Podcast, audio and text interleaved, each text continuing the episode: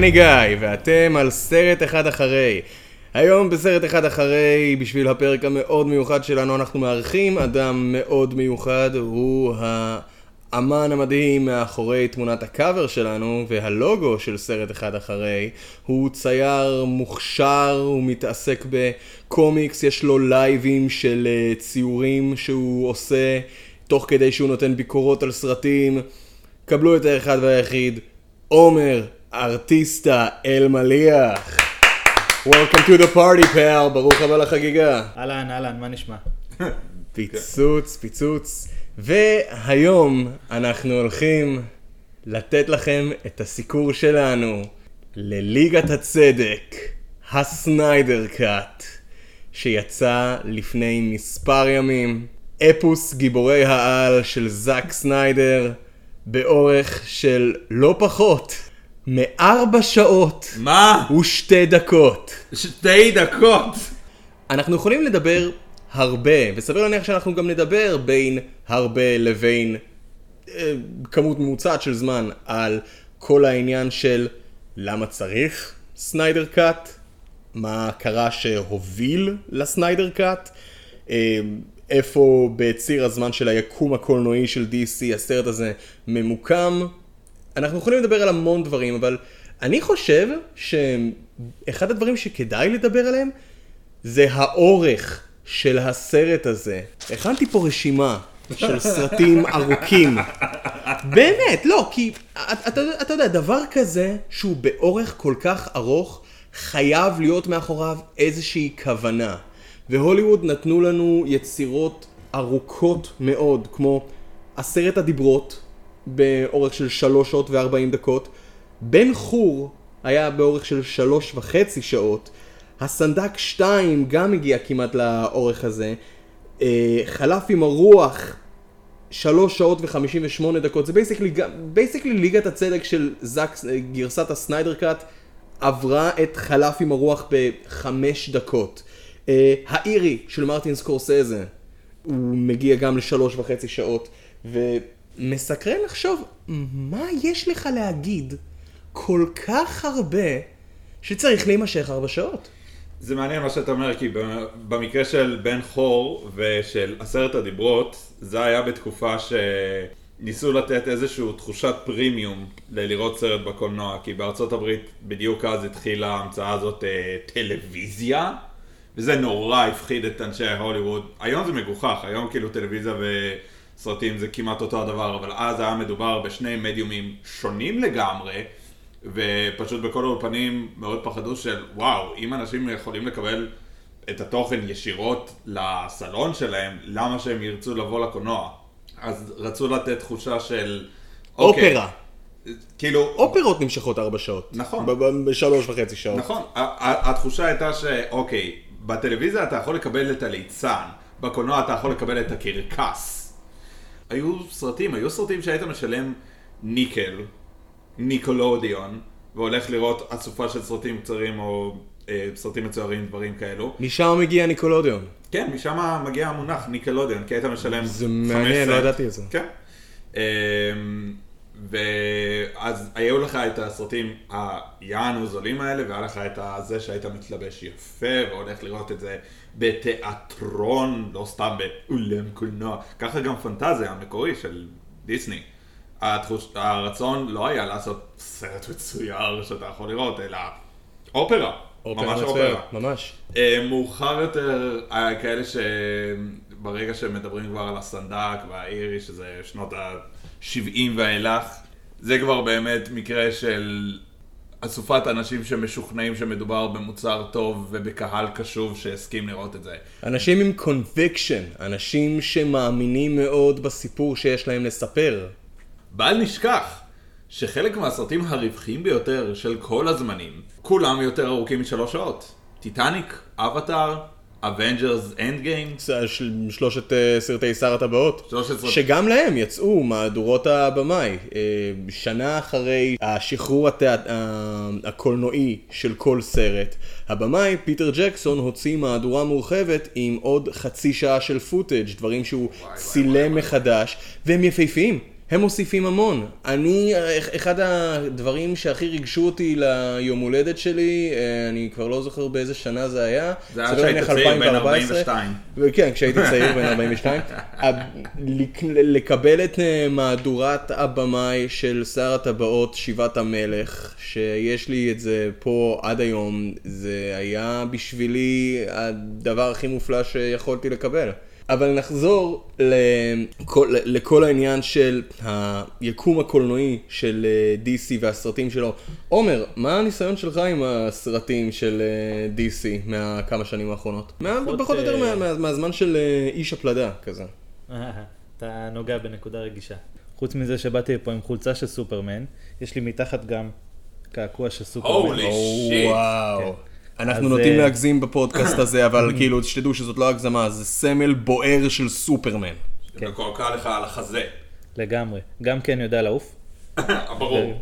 כי אני עושה סלטות, אם לא ידעת. עומר, אתה עושה סלטות? כן. אחי, זה מדהים. בגלל זה אני אוהב לצייר את ספיידרמן, כי אני עושה את כל התרגילים שהוא עושה. בערך כמעט. אבל אז האמת שזה בדיוק מוביל אותי להפתעה שרציתי לשתף איתכם. אוקיי, הנה, יש אז פה... אה, רגע, אני, אני אסתיר את זה קודם. אז אה, זה ספר, שכמו שאתם רואים, קראתי אותו הרבה. ספר אתם בא רוצים בשנים. לתאר את זה כן, למאזינים? מדובר פה בספר בא בשנים, הוא כל כך כאילו, מדובר פה בדבר כל כך ישן, שגם שהכריכה נעלמה, הדפים מוחזקים פה בקושי על ידי דבק וחוטים. הכותרת היא אה, מותו וחייו של סופרמן מאת רוג'ר סטרן.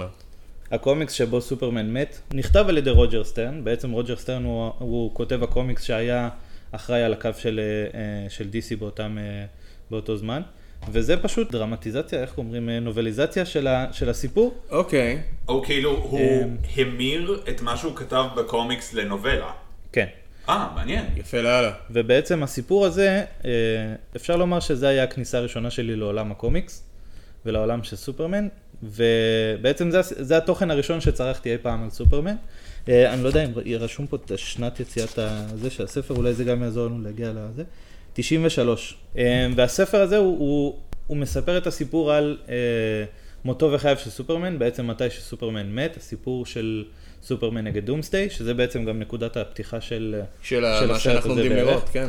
ואני לא, לא יודע אם אתם מכירים את הספר, את הסיפור על אה, שלטון של Reign of the Supermen, שזה בעצם כן. שלטון של ברבים. הסופרמנים, כן. כן. ששם הציגו את אה, אה, Steel, Superboy, Cyborg Superman ועוד איזה אחד שיש לו שם ממש מוזר. אה, אה, Bizarro Super? לא, לא, לא, זה איזה, עם ה Kryptonite. לא Destructor, יש לו איזה שם של ארדיקייטור. אירדיקייטור. משמידן.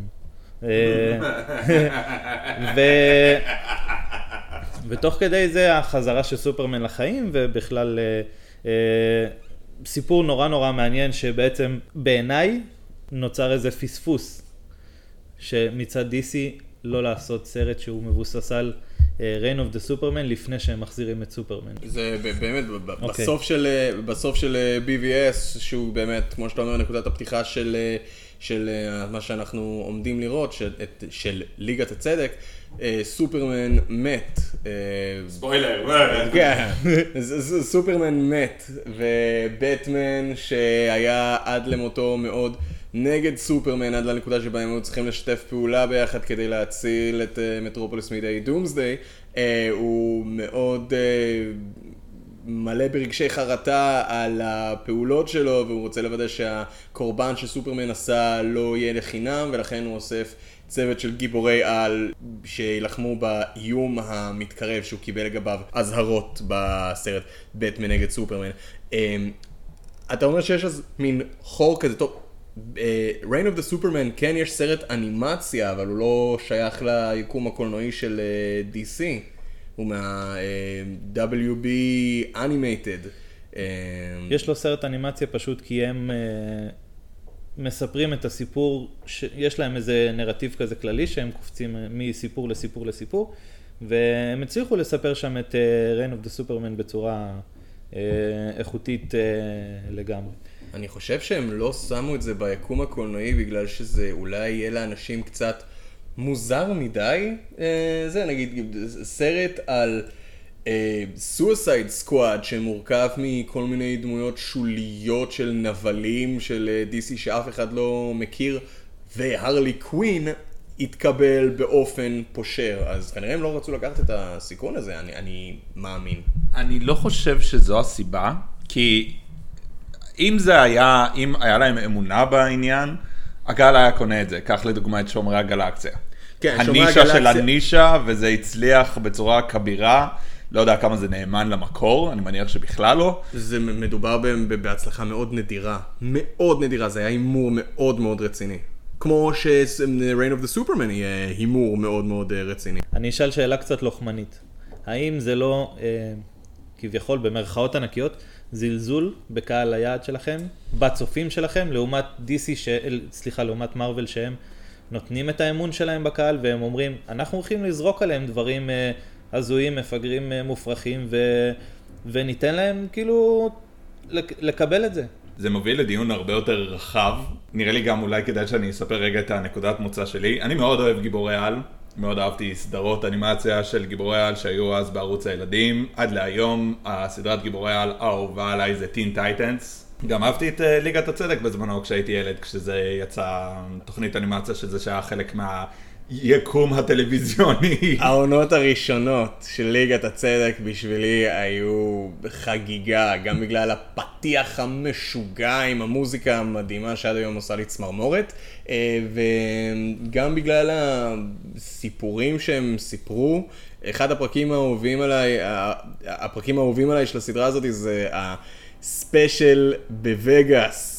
שהם ערוך על איזה שניים שלושה פרקים שהג'וקר משתמש באיזה חבורה של אה, אנשי קלפים כאלה ולוקח את כל וגאס אה, כבת ערובה עם פצצות שהוא הטמין שם. זה היה מצוין. בסדרת האנימציה הזאת, זה היה הפעם הראשונה שבאמת ראיתי מה היתרון של יקום משותף. אני עדיין חושב שזה גם בקומיקס וגם במדיומים אחרים, יש טיפה חטא שעושים כשמערבבים דמויות שונות. נגיד, אני יודע שזו דעה לא פופולרית, אבל אני חושב שלשים את האקסמן שהם יאנו נרדפים ושנואים על ידי השאר באותו מקום עם גיבורי על אחרים אהובים, זה קצת חוטא לסיפור, אבל דווקא בסדרה המצוירת של ליגת הצדק, ראיתי את היתרונות של זה שיכול להיות לך קאסט כביר של דמויות שאתה לא צריך להציג אותו כי הקהל כבר מכיר אותו.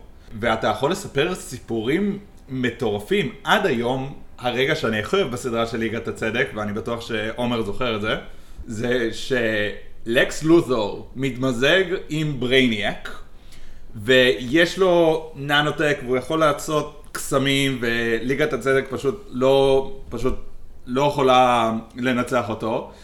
ואז הפלאש פשוט מתחיל לרוץ סביב כדור הארץ כדי לדרוס אותו, לתת לו מכות חזקות אימתניות והעניין הוא שהוא רץ כל כך מהר שהוא נבלע לתוך אה, הספיד פורס ובעצם מת. זה משהו שלא היית יכול לספר, זה סיפור באמת כל כך אפי שאם לא היה לך את הזמן באמת לבסס את כל הדברים האלה, לא היית יכול לספר אותו. מה שמוביל אותי לסרטים של DC, לא ראיתי עד להיום את איש הפלדה, את באטמן נגד סופרמן, את וונדר וומן, את uh, ליגת הצדק המקורי, את סויסד סקוואד, את אקומן ראיתי uh, די בטעות, כי פשוט... בטעות. נדדת לא- לאולם הקולנוע הלא נכון. Um, בגדול כן, עבדתי במתחם של בתי קולנוע והיה לי בדיוק uh, שעתיים לשרוף, אז חיפשתי משהו שישרוף את זה והיה פשוט את אקוומן, אז נכנסתי לראות מבלי שממש, כאילו, הבנתי פחות או יותר מההקשר, um, ואקוומן היה סרט כל כך דבילי שנהניתי מזה, פשוט... כולם שם איבדו את ה... במיוחד השחקנים, פשוט היה נדמה להם שלא אכפת. כאילו מישהו לא, לא הזכיר לוויליאם דפו שהוא גם צריך לשחק שם, הוא פשוט עומד שם עם פרצוף אפס. והיא כזה, משלמים לי לעשות את זה, מה אני עושה עם החיים שלי? אתה יודע, אקו- אקוומן היה מין סוג של יוצא דופן ביקום הקולנועי הזה, כי זה גם אקוומן וגם שזאם קיבלו, ב, כשעשו את הסרטים האלה, מין סוג של אה, השראה מהסרט של וונדר וומן, כשהם הבינו, רגע, הדמויות הראשיות של, הס... של הסרטים האלה צריכות גם להיראות כאילו הן אשכרה נהנות. מה? בסרט קומיקס? כשאין לך רק את בטמן שהוא brooding ואת סופרמן עם תסביך האלוהים שלו ואת את כל הדרמה הכבדה הזאתי. אמ, והם באמת היו סרטים מאוד מאוד כיפים. וזה, וזה בדיוק העניין, לא ראיתי את כל הסרטים האלה שאמרתי שלא ראיתי, לא כי יש לי איזה העדפה, שמי כזה, לא, אני עכשיו אוהב רק מארוול, לא דיסי, לא, זה ממש לא, פשוט הסרטים האלה נראו רע. אני לא השתכנעתי מהטריילרים, כשהביקורות יצאו הם די אימתו את מה שחשבתי, וראיתי סרט אחר סרט אחר סרט אחר סרט. הם נראים רע, מקבלים ביקורות גרועות, ואותם אנשים עדיין הולכים לראות את הסרטים האלה, עדיין מתאכזבים כל פעם מחדש, ואני כבר חושב, תקשיבו, כאילו בפעם הראשונה או שנייה אני יכול להבין אתכם, אבל באיזשהו שלב אולי צריך להצביע עם הארנק?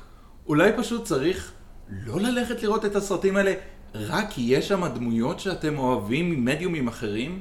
אתה יודע, זה מעניין מה שאתה אומר, וזה גם סוג של פרדוקס, בגלל שליגת הצדק מ-2017, מה שהיה אמור להיות המסכם של השלושה ארבעה סרטים עד שהוא הגיע, אנשים באמת הצביעו עם הארנק שלהם, והסרט לא עשה את כמות הכסף שהוא היה צריך לעשות, והוא גם קיבל ביקורות מאוד מעורבות, וכשמדובר בסרט אנסמבל של The Big Three, וונדר וומן, בטמן וסופרמן עם, עם עוד גיבורי על אחרים, שהוא אמור להיות אה, סיכום של המסע הזה, כשהוא אמור להיות בעצם המקבילה של DC לאבנג'רס אסמבל של מארוול, כשאתה מקבל סרט שהוא רק בסדר עם כמה רגעים נחמדים, זאת בעיה. אבל יש סיפור מאחורי הסרט של אה, 2017, והוא מין סוג של פרדוקס כזה למה שאנחנו אומרים של או באקוואמן ושזאם ווונדר וומן אנחנו רואים סוף סוף דמויות שנהנות וכיף להם ויש קצת יותר עוד צבעים אחרים בפלט הצבעים מאשר שחור, אפור וכחול כהה. תודה. לקראת 2017, זאק סניידר, הבמאי של איש הפלדה אה, ובטמן נגד סופרמן, שהוא גיק מטורף של גיבורי על, תאמינו או לא, היה לקראת אה, סוף הצילומים שלו של ג'אסטיס ליג, ולקראת התקופה הזאתי הייתה לו טרגדיה משפחתית, הבת שלו התאבדה, והוא היה צריך לפנות זמן בשביל להיות עם המשפחה שלו, והוא ואולפני וורנר בראדרס נתנו את המושכות לג'וס ווידון, מי שהיה אחראי על שני סרטי האנסמבל של אבנג'רס, אבנג'רס אסמבל ו-Age of Ultron, והוא ראה את מה שזאק סניידר עשה עם הסרט, מה שהוא צילם, מה שכבר היה אחרי פוסט, והוא החליט, אוקיי, אבל אני לא רוצה את זה ככה. אז הוא חתך, הוא קיצץ, הוא הוסיף עוד צבעים, הוא שינה אה, קווי עלילה, הוא עשה פחות או יותר מה שהוא רצה, והתוצאה הסופית אכן הייתה Justice League מ-2017, סרט שקיבל ביקורות פושרות, סרט ש... לפי האגדה, זאק סניידר מעולם לא ראה, בגלל שאשתו המפיקה בפועל, בפועל אה, אמרה לו שמדובר במשהו שהוא לחלוטין מנוגד לחזון שלו עבור הסרט הזה. נולן היה זה שאמר לו אה, לא לראות את הסרט, זה היה איזו ידיעה שרצה לא מזמן על אה, שנולן ואשתו הלכו לראות את הסרט בהקרנה, והם אמרו למשפחת אה, סניידר, אל תלכו לראות את הסרט הזה, זה לא מה שרציתם, זה לא מה שאנחנו רצינו, זה לא מה שאף אחד רוצה. זה רק יביא לכם כאב. אני רוצה להידחף ולהיות uh, קצת יותר קונספירטוריאלי ולהגיד, uh, לתת את הנקודת מבט שאני קצת הצלחתי ככה לדלות על הפרויקט הזה. הסטודיו ווורנרס נורא אוהבים להתעסק בתהליכי הפקה, הם נורא אוהבים ל... להוציא את הגרפים כשהם יוצרים את הסרטים האלה, וההתרחשויות שאני שמעתי היה שהם התנגשו עם סניידר ב, ב, עם ההערות אה, הסטודיו נוט שלהם, והם רצו שינויים מסוימים, והוא אה, נלחם בהם וטען ל vision שלו, לחזון שלו, וכשלסניידר היה את המשבר המשפחתי, אני חושב שהם קצת אה, ניסו, קפצו על ההזדמנות להביא מישהו שיוכל להיות אה, ה-yes-man שלהם. relieve him of his... אה, כן. ואני חושב, ש... אני חושב שווידון, הוא בא גם קצת מובס. בעיקר מאבנג'ר 2. הוא אמר בכל המדיות שהוא אה, גמור והוא שרוף ו... וקצת בא לו לקחת הפסקה מה...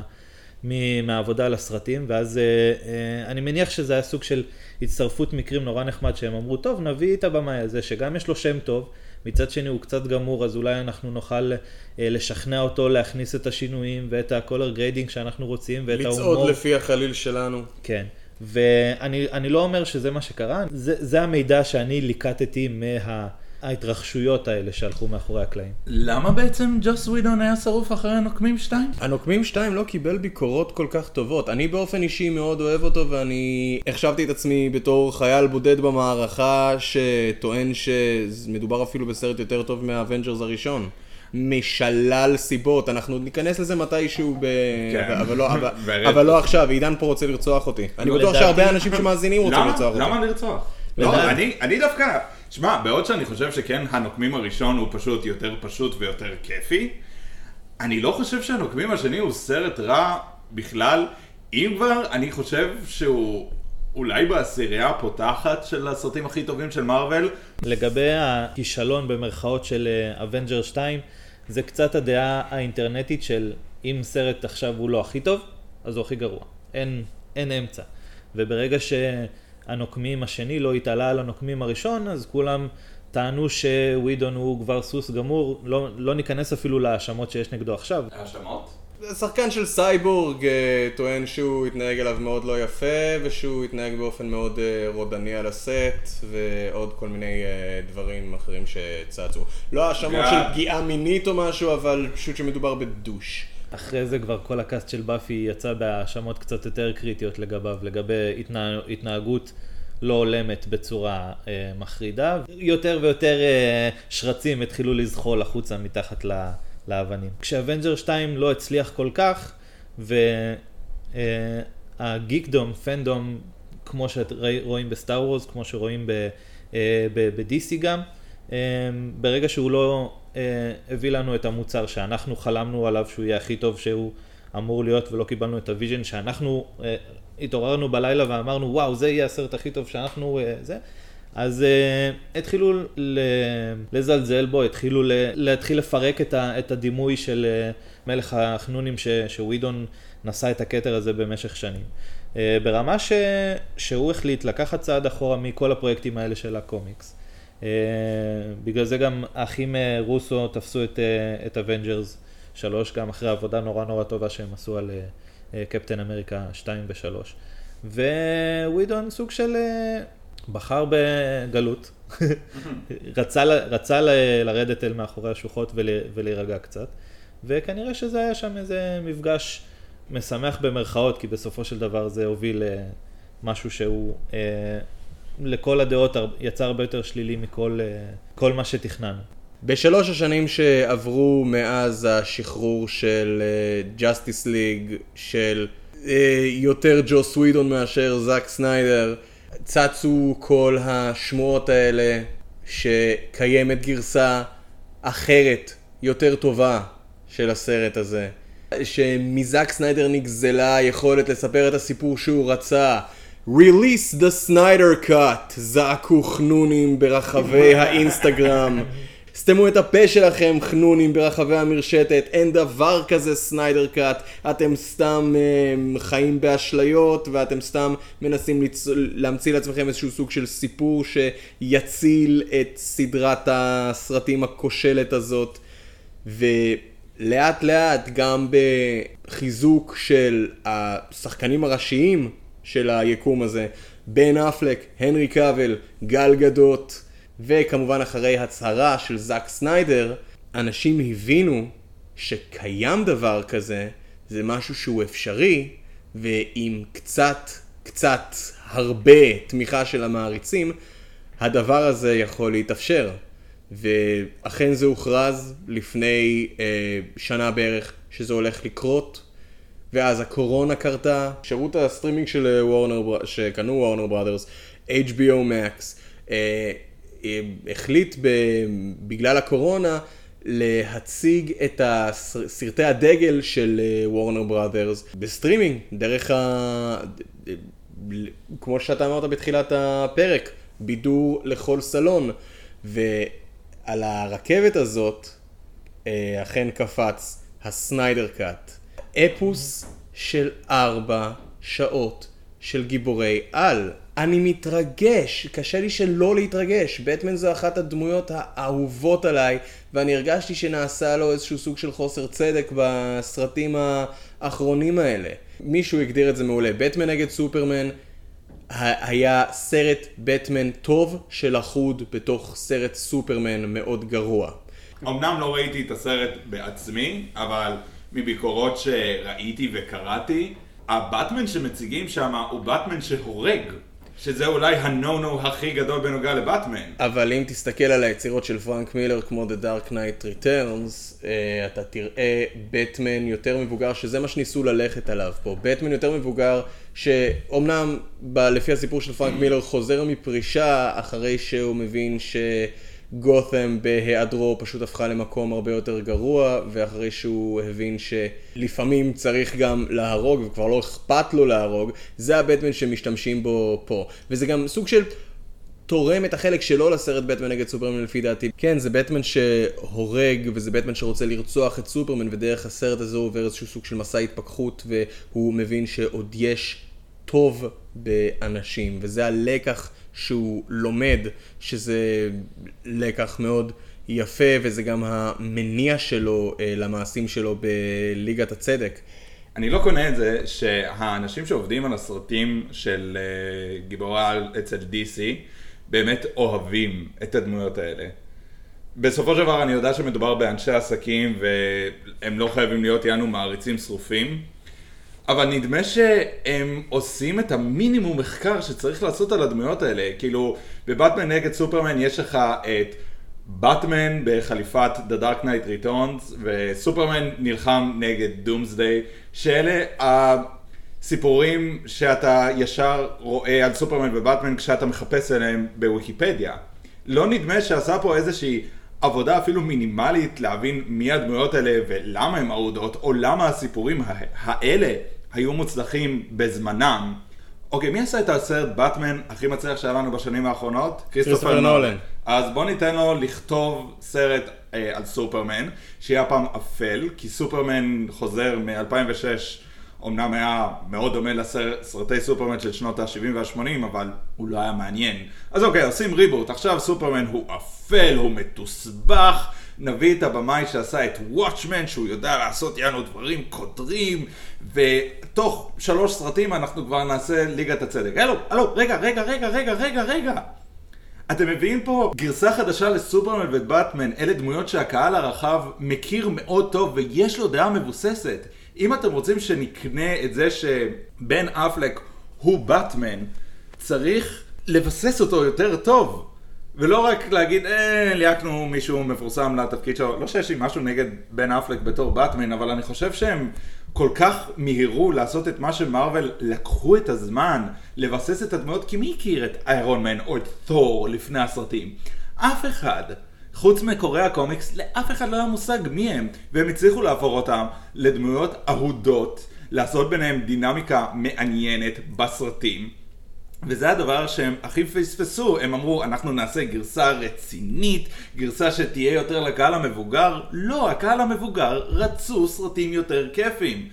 אז אני יכול להבין קצת את ההערות של וורנר ברדרס ושל ג'וס ווידן, כשהם עשו באמת את ליגת הצדק אחרי שזאק סניידר הלך, כי עוד פעם, לא ראיתי את הסרט בעצמי, אבל על פי הנתונים נשמע שפשוט וורנר ברדרס ראו ש... אה, אוקיי, הרעיון שהיה לנו עד עכשיו לא טוב, בואו נעשה סרט כיפי. זאק סניידר, אתה יכול לעשות משהו יותר כיפי? לא, אני לא רוצה, יש לי את החזון שלי, זה כבר הסרט השישי שאני עושה בסדרה ואני אעשה מה שאני רוצה. וטוב, הוא הלך, ג'וס ווידון, בבקשה, תעשה סרטים כיפיים. גיבורי-על זה הדבר שהכי הולך כרגע. עבר הרבה זמן מאז שהארי פוטר הלך, אנחנו צריכים franchise, בבקשה, בבקשה, בבקשה, תעשה שסופרמן ובטמן וכל אלה יעבדו הפעם.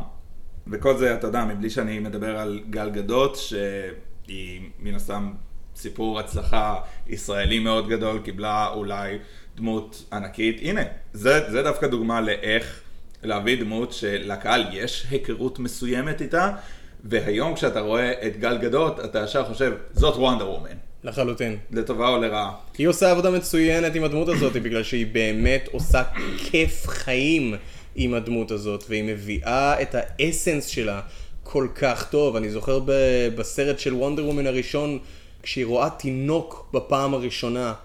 זה מזכיר לי את הקטע מה-New 52, כשהיא מגלה את הגלידה בפעם הראשונה. ויש בה איזשהי סוג של, כן, היא אחת הדמויות הכי חזקות של DC, אבל יש בה מין סוג של תמימות ורצון להשתלב ורצון ללמוד כמעט כמו של ילד, וזה מקסים, והיא מביאה את זה באופן מדהים לפי דעתי. בגלל שסרטי קומיקס לרוב לא מי יודע מה נאמנים למקור, כמה זה מפריע לך בחוויית צפייה? האם אתה יכול להסתכל על זה בתור מוצר שונה, או שאתה פשוט שואל את עצמך, למה לא עשו את זה יותר ככה? היה להם כבר את הכל כתוב, רק לכו על פי זה, למה להמציא דברים חדשים? בתור קורא קומיקס יש כמה דברים שכביכול התרגלנו אליהם.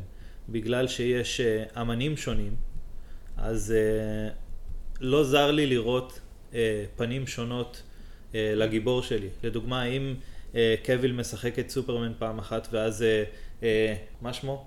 האטום? אה, אה, ההוא? ברנ- ברנדון רוס? כן, אז אה, לראות את, את הראש שלהם מתחלף, אה, לא, לא חרה לי, כמו לדוגמה אה, דון צ'ידל וההוא השני, טרנס האוורד. טרנס האוורד ו-War Machine. אותו דבר על כותבים, יש כותבים שחוקרים את הצד החייזרי של סופרמן, יש, יש כותבים שחוקרים את הצד האנושי שלו, יש כותבים שמעמידים את סופרמן מול אה, אויב אינטליגנטי, יש אויבים שמעמידים אותו מול מפלצת, וכל ה, כל הדברים האלה יכולים לחיות באותו, באותו עולם, באותו איזה יקום של סיפורים. וכנ"ל גם הסיפורים, הסרטים האלה. אם וונדר וומן היא קצת יותר אה, משעשעת ושזאם הוא קצת יותר ילדותי ובטמן הוא קצת יותר אפל, אה, מותר. כי זה גם, זה משהו שדיברתי עם חבר לא מזמן, שאנחנו, בעולם האמיתי שלנו, אני יכול יום אחד אה, ללכת לראות סטנדאפ, ויום אחד אה, לקרוא ידיעה מלחיצה, מטריפה על אה, מקרים כאלה או אחרים בחדשות, וזה זה היקום שאנחנו חיים בו. אז כל הדברים האלה יכולים להתקיים ביחד. אבל, מה שחשוב לי, בסרטים האלה גם, זה הנאמנות לדמות. ואם במשך שנים על גבי שנים, כל העולם, לא רק אני חוויתי את סופרמן כ- כילד ילד טוב ירושלים, כולם חוו אותו בתור ה- החנון. בגלל זה גם היה כל כך קשה אה, לספר איתו סיפורים, כי אף אחד לא רוצה לראות את, ה- את הילד הטוב. אה, ש, שכביכול, במרכאות, הוא תמיד מנצח, כי סופרמן תמיד מנצח. הוא מושלם מדי. סיפורים טובים על סופרמן זה סיפורים שהם גוררים אותו לקצה שלו, והאויב שלו הוא כבר לא, אה, הוא, הוא אויב שסופרמן או לא יכול לנצח אותו במכות, או גם המכות לא עוזרות, ובגלל זה הסיפור פה עם דומסדיי הוא כל כך טוב, כי אחד הדברים המבריקים בספר הזה זה ש... אה, מגיע לדומסדיי בשלב נורא נורא מאוחר, אחרי שדומסדיי כבר חרש את עצמו דרך ליגת הצדק, הוא פשוט אה, הרג את אה, הוק ודב ואת מרשן מנהנטר ואת בטמן, את בוסטר גולד פירק אותו לחתיכות קטנות, ובגלל שסופרמן הוא סוג של עקב אחרי ההרס שלהם, ובמקום להגיע לדומסדיי הוא נעצר שכונה אחת אחורה ומחלץ קצת אנשים מה, מה, אה, מהראבל ומנסה להשתלט גם על המצב עצמו, אבל גם על ההשלכות של הדברים האלה. בגלל זה הוא מגיע לדומסדיי, כשהוא כבר בחצי מהכוח שלו. ושם, כבר. ושם כבר נוצר איזה קונפליקט שהוא נורא מעניין, ש...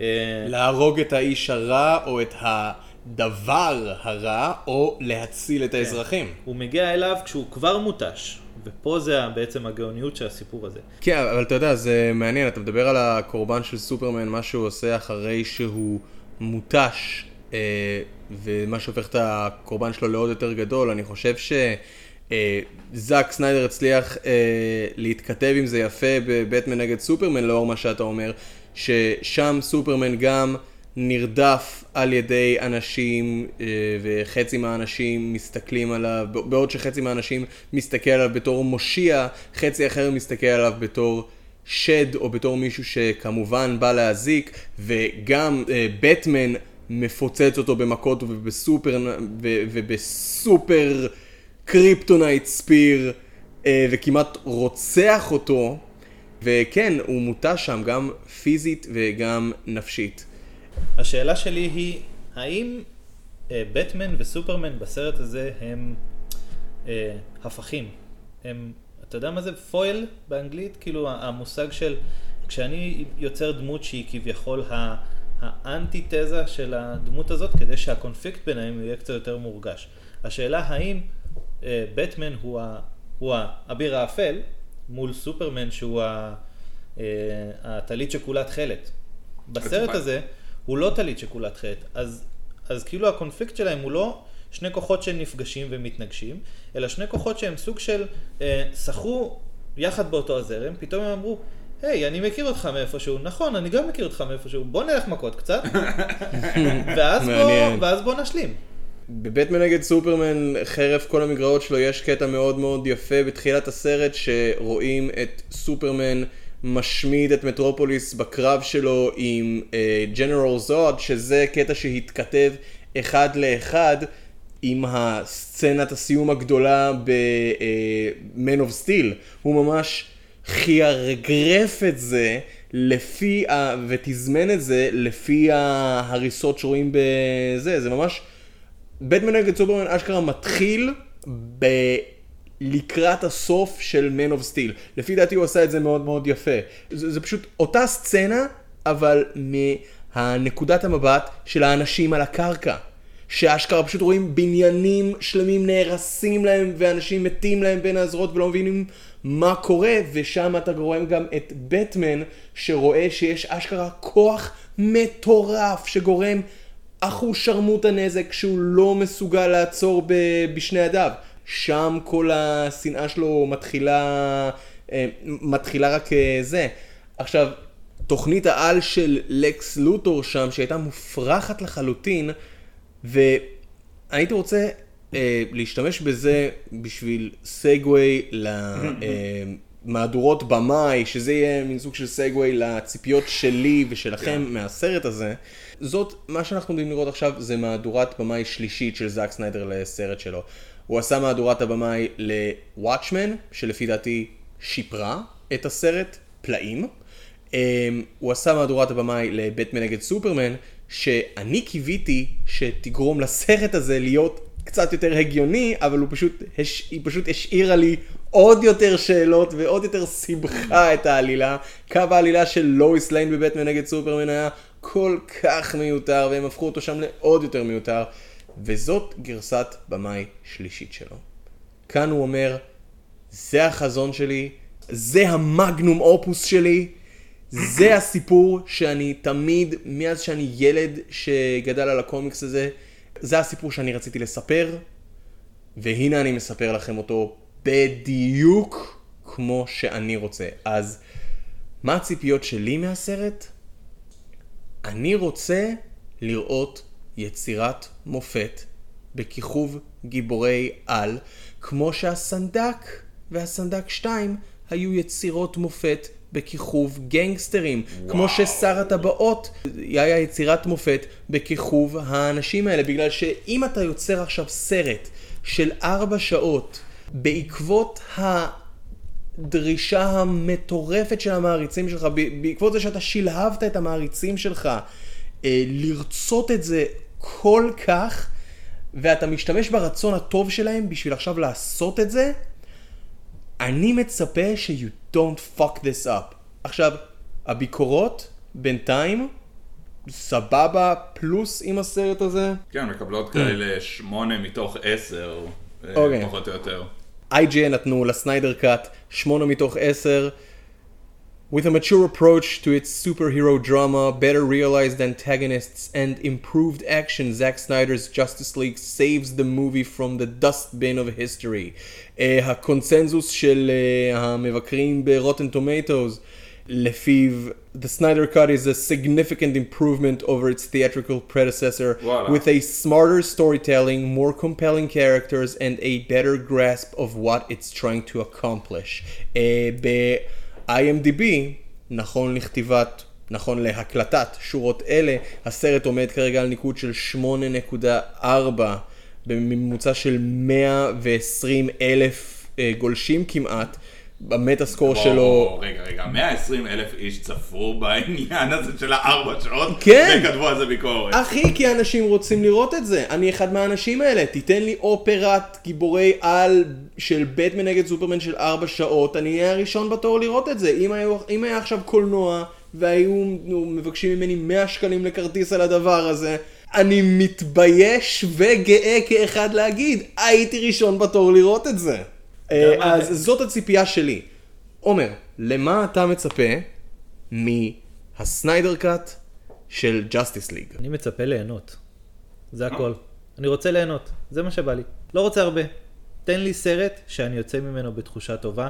גם זה לא חייב להיות, אה, אני יוצא שמח, אני רוצה לצחוק כל הסרט. לא, אני רוצה סרט שאני, שזה הדמויות שחלמתי עליהם כל החיים שלי. שוב, כשקראתי את הספר הזה, אני, הסרט הזה הוא התנגן לי בראש. אז אף אחד לא יוכל לעשות את הסרט שהתנגן לי בראש, אבל אני רוצה לראות סרט שאני יוצא ממנו שמח לגבי הדמויות שלי, לגבי ההצגה שלו, שיהיו לו אפקטים טובים, שיהיה לו אה, סיפור שאני, שאני מסוגל לעקוב אחריו, ואני לא רוצה לתלוש שערות תוך כדי הסרט ולהגיד, אני לא מבין איך אנחנו פה, למה אנחנו פה, למה יש לו שרשר על הזה.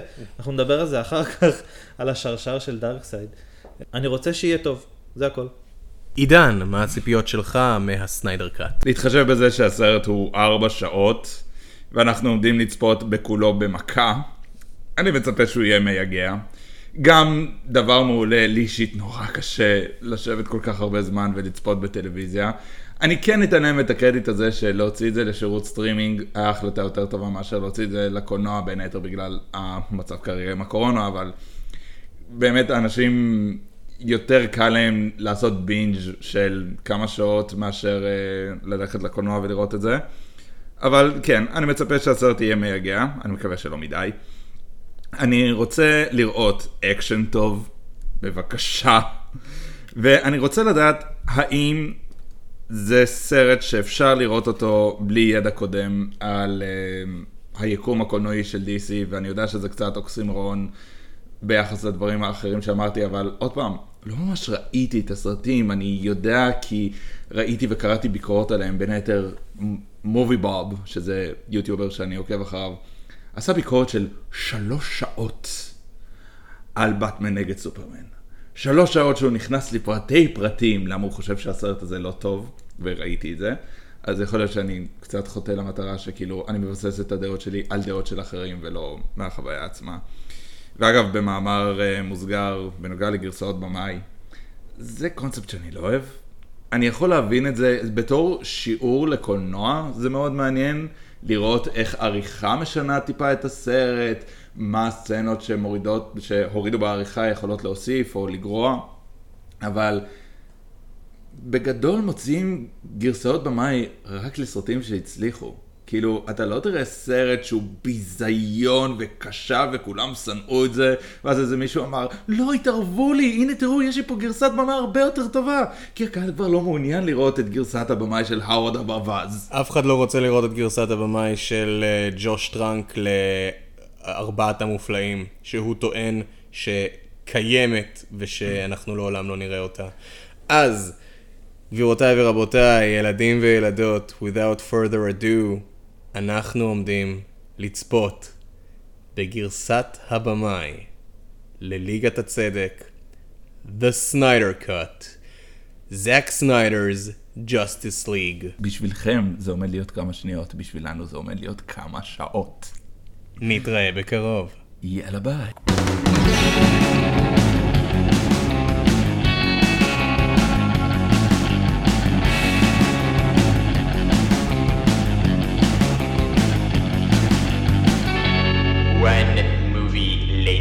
סרט אחד אחרי. צפינו בסניידר קאט. כן. שרדנו. סרט אחד אחרי וארבע שעות ושתי דקות לאחר מכן. היה אה. אור יום כשהתחלנו, עכשיו חשוך עכשיו בחוץ. חשוך. אה, אוקיי, אני מנסה לחשוב איך הכי כדאי שאנחנו ננהל את הדיון הזה. אני חושב שכל אחד יקבל איזה שלוש דקות בשביל לשפוך את מה שהוא חווה, ואז אנחנו ננהל דיון. ואני אגיד מראש לפני שאנחנו נתחיל את הדיון, אמנם מדובר לגרסה מחודשת לסרט שיצא ב-2017, אבל להתחשב בזה שאני לא יודע מי כן ראה את הסרט מ-2017 ומי שכן לא יודע מה השינויים, אנחנו נגיד את זה באופן הכי פשוט. הדיון עומד להכיל ספוילרים. בדרך כלל אנחנו מדברים על הסרט בלי ספוילרים עד שלב שאפשר. פה אני לא ממש רואה טעם לעשות את זה. כן, מדובר בסרט מלפני ארבע שנים, ומדובר בגרסת הבמאי שלו מעכשיו, אז אנחנו הולכים לצלול ישירות לספוילרים כאן ועכשיו. אה, אני אומר שקודם כל אה, ניתן לאורח שלנו להתחיל. ואז אתה, ואז אני. בסדר. עומר, שלוש שלוש דקות שלך. מעכשיו. אז אה, נהניתי, מאוד מאוד נהניתי. הסרט היה ארוך. אני חייב להודות שנלחמתי קצת בהירדמות. הרגשתי את עצמי נרדם פשוט כי הקצב הוא, הוא לוקח את הזמן שלו. כמו שאמרנו בהתחלה, למה כיף לקרוא את הספרים? למה כיף לקרוא את חומר המקור? כי יש זמן למתוח ולהתעסק בהכל, וסניידר לקח את ה... He took his sweet ass time, הוא לקח את הזמן שלו, הוא מתח איפה שצריך, הוא נתן לדברים להיפתח, אולי אפילו קצת יותר מדי, אולי זה קצת היה לעוס מדי, אבל בסופו של דבר אני יצאתי די מפויס מכל העניין. גיא, שלוש דקות שלך מתחילות עכשיו. נהניתי רצח מהסרט, אה, לא הרגשתי צורך לקום מהספה בשביל לעשות שום דבר חוץ מאשר להמשיך ולראות את הסרט הזה. אני פשוט הייתי, הרגשתי דבוק למסך. אה, בגלל שראיתי את הגרסה מ-2017, ואני זוכר כמה שזה היה פשוט משהו שהיה, משהו שכולם אמרו, טוב, הגענו לרגע הזה, היו לנו כמה במפים בדרך, הגענו לרגע הזה, הנה הדבר הזה, קחו אותו, עכשיו שלמו לנו. ואני זוכר את הסרט הזה בתור משהו מאוד, הגרסה מ-2017 בתור משהו מאוד שכיח, בתור משהו עם שניים שלושה קטעים מגניבים. ואני מסתכל על הסרט הזה, שהוא מלא בכל כך הרבה אהבה לדמויות האלה. כל דמות מקבלת את הכבוד שלה, את המוטיבציה שלה ללמה היא עושה את מה שהיא עושה. הסרט מלא ברגעים יפהפיים שנתנו לי צמרמורת מההתחלה ועד לסוף. כן, הוא ארוך. האם הוא יכול היה להיות קצר יותר? כן. האם כל היקום הקולנועי הזה סובל ממשהו שהוא אה, פיתוח דמויות לאורך הסרטים שלו באופן לא משהו, ואז מצפה שאנחנו בסרט המרכזי אנחנו כן אה, נראה, אה כן, מדהים, אחלה יופי. כן, זה לא המרוויל סינמטיק יוניברס, לא כל דמות קיבלה סרט משלה, אבל פה יש לך סיפור שלם עם התחלה, אמצע וסוף, ואני מרגיש שנעשה צדק עבור כל אחת מהדמויות האלה. קטעי אקשן מטורפים, מוזיקה מטורפת. אני, נהניתי בטירוף. עידן, שלוש הדקות שלך מתחילות מעכשיו. אני מצטער, לא נהניתי מהסרט. כאילו, אני חושב שיש בו רגעים טובים, במיוחד הקרב האחרון, שהוא באמת, אמרתי, וואלה, זה מלהיב אותי. אהבתי חלק מהדמויות, אה, ואני לא יכול להגיד מה הם שיפרו מהסרט הקודם, ואני חושב שזה פקטור מאוד גדול להנאה מהסרט הזה, לראות איך הם שיפרו דברים שהיו לא ברורים בגרסה הקודמת של 2017. אה, אני חשבתי שזה היה מלא יוהרה. פשוט במאי שכל כך רוצה להראות את הסגנון שלו על חשבון סרט טוב. כן, אני יכול להגיד שהסרט הזה הוא לגמרי בסגנון של זאק סניידר, מהבחינה הזאת שהמצלמה כל הזמן זזה. בין אם זה רק שתי דמויות שמדברות אחת עם השנייה, או סצנת אקשן מטורפת. לרגע המצלמה לא נחה. כל כך הרבה slow motions, ולכל דמות יש את הרגע שלה, שהנה תראו משהו שאני עושה תוך כדי שיר שמתנגן ברקע, והכל ב-slow motion ואז fast motion, ודברים שדי, הבנתי. הסרט הזה ארבע שעות בקלות, בקלות. הוא היה יכול להיות שעתיים וחצי והייתי הרבה יותר מרוצה מזה. יחד עם זאת, אני כן אגיד דברים טובים. כמו שאמרתי, הסצנת ציון היא מאוד טובה. מאוד אהבתי את הפלאש פה בסרט. הדמות שהביאה הכי הרבה דמות, כי הרגשתי שכולם, יש להם פחות או יותר את אותם אישיויות, רק עם בגדים וכוחות שונים, שזה ממש חבל. אבל וואו, הנבלים בסרט ברבים, כי יש יותר מאחד. הם כולם מפלצות גדולות עם קולות נמוכים שרוצים להביא את האפלה על כדור הארץ. גם טאנוס היה ככה בקומיקס, ובסרטים החליטו ש... היי, מה אם נעשה אותו קצת יותר אנושי? מה אם ניתן מניע שאפשר במידה מסוימת להזדהות איתו? פה לא היה את זה, והסרט פשוט... לקראת הסוף, ואנחנו נדבר על זה, יש קטע מסוים שכל כך נעלבתי ממנו. הרגשתי שממש בזבזו לי את הזמן, שאמרתי פשוט בקול, fuck you. Fuck you על זה שבזבזת לי את הזמן. ולצערי זה אחד הסצנות האחרונות, אז זה משאיר טעם מאוד רע בפה, עבור משהו שאחרת היה יכול להיות אה, יותר טוב. ואני מרגיש קצת רע לבקר ככה את הסרט, להתחשב בזה שזק סניידר עשה את זה בתור passion project עבור הבת שלו. וניכר שהאהבה שלו לבת שלו היא תמה מאוד גדולה בסרט. אמ, כמו שכאילו, נראה לי ההנאה בסרט באמת תלויה בכמה אתה מכיר, אוהב או שונא, א', את הדמויות של DC, ב', את הסרט מ-2017.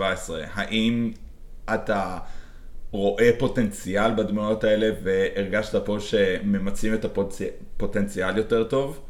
אמ, אבל אישית אני לא חושב שזו חוויה טובה. יכול להיות שאם הייתי רואה את זה בחלקים, היה לי קצת יותר קל.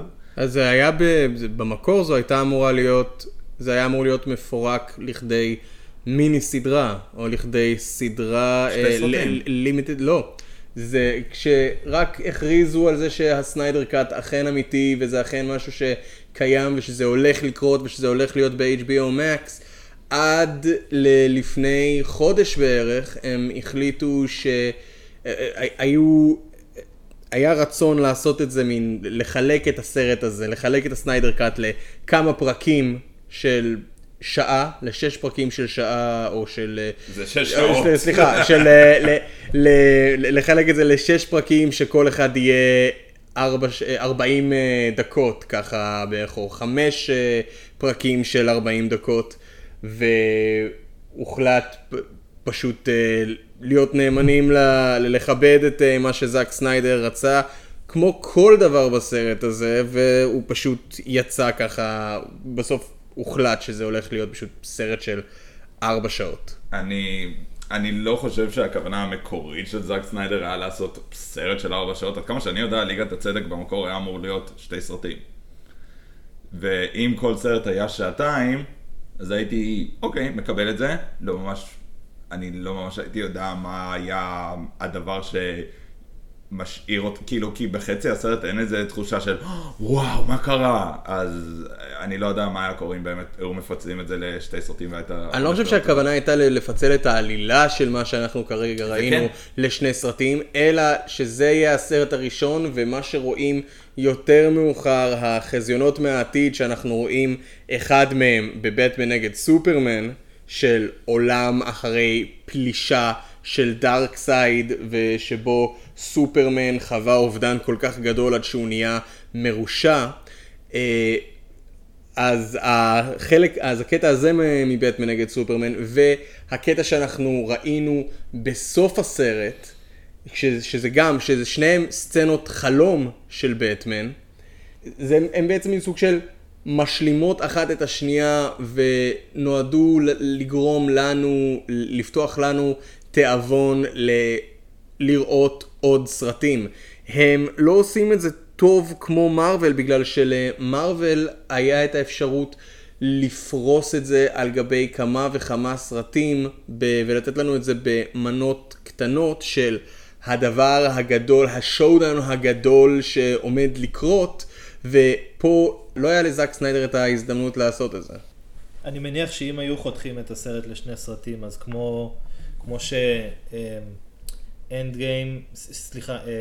Infinity War ו Endgame, הם אה, נחשבו כסיפור אחד שבעצם חולק לשני סרטים, אז אני מניח שגם שם הם היו עושים את העריכה הנכונה כדי לתת לכל סרט את אה, שלוש המערכות שלו, כדי שיהיה לנו איזה תחושה של, של סרט מהסרט הראשון ומהסרט השני, גם אם היו...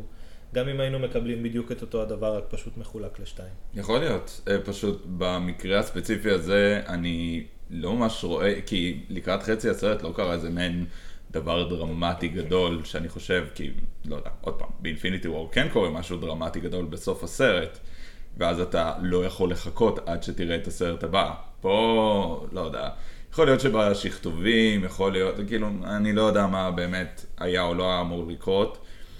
לכל הפחות זה שיעור מעניין, הסיפור הזה של אה, ליגת הצדק, כי אני חושב שמדובר באולי גרסת הבמאי הכי... אה, שאפתנית, יומרנית. כן, אה, לגמרי. תשמע, יש פה יומרה, זאק סניידר הוא פלצן. אני אגיד את זה, אני- בתור בן אדם שנהנה מהסרט, אני אגיד את זה, זאק סניידר הוא פלצן, אבל הוא מהאנשים שינהלו איתך דיון של ארבע שעות, כמה מפתיע כאורך הסרט, על למה לסופרמן יש, הוא דמות שיש לה תסביך ישו. זה מה שהסרט הזה עושה, הוא מנהל איתך דיון מאוד מאוד ארוך על נקודת המוצא של כל אחת מהדמויות האלה ו- ומה היא רוצה בעצם. אני הרגשתי שמבין הגיבורים בסרט, שיש שבעה ראשיים, רק שתיים מהם באמת הרגישו כמו דמויות. אה, הפלאש, כי הוא פשוט, יש לו ממש אישיות, הוא בעצם המיכלנג'לו של של הקבוצה החבורה. הזאת. אז קל להתחבר אליו, קל להתחבר לחוש הומור שלו ולקצב שלו, והוא באמת מה שמביא הכי הרבה חיים בדבר הזה. ובאופן מפתיע, סייבורג, שבהתחלה לא הבנתי למה הוא דווקא בסרט, כאילו, אני מניח שהוא גם בקומיקס יחד עם ליגת הצדק, אבל אני מכיר אותו יותר בתור... היו להם המון גלגולים אחי בליגת הצדק, כמו לאבנג'רס היו להם בקומיקס המון גלגולים, החברים אה, השתנו וחזרו ו- ועזבו וחזרו. נכון. אני חושב שסייבורג הרוויח אה, ב- בכבוד את אה, תפקיד המגאפין של הסרט. או, כן. הוא לא- לא הכלי המקדם של העלילה. כן, הוא בעצם הדמות עם הכי הרבה מוטיבציה בסרט, עם בעצם היחידי עם ממש arc של שינוי. ל Wonder Woman אין ממש שינוי בסרט. באטמן, השינוי שלו בעצם נגמר בסרט הקודם.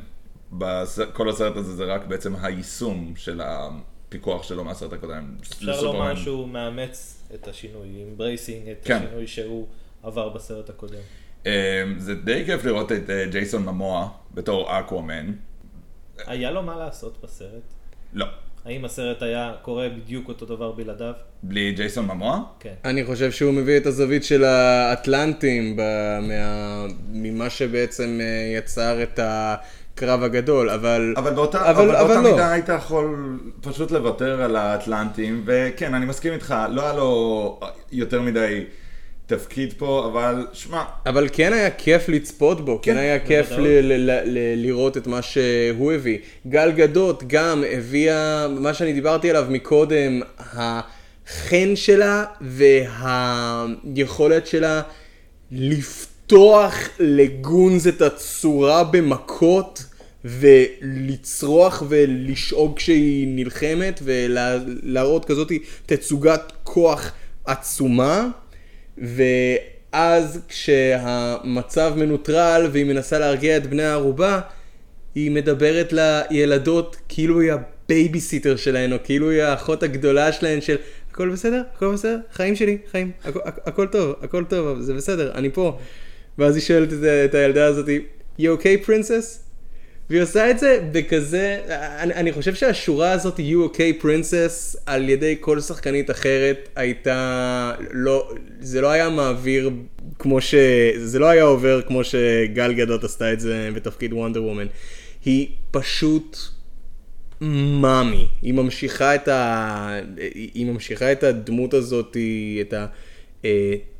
אה, את התמימות ואת השמחת חיים של הדמות הזאת מהסרטים הקודמים, לפי דעתי באופן מושלם.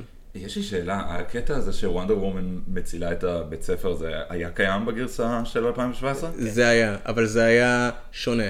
כל מה שאתה רואה בסרט הזה, וזה גם חשוב שהצופים שלנו ידעו, מה שאתה רואה, מה, הסרט הזה מורכב מחלקים מהסרט הקודם, צילומים מחדש, וקטעים שירדו בעריכה כשהורידו אותם, ולא היו שם דברים שג'וס ווידון הוסיף לסרט הקודם.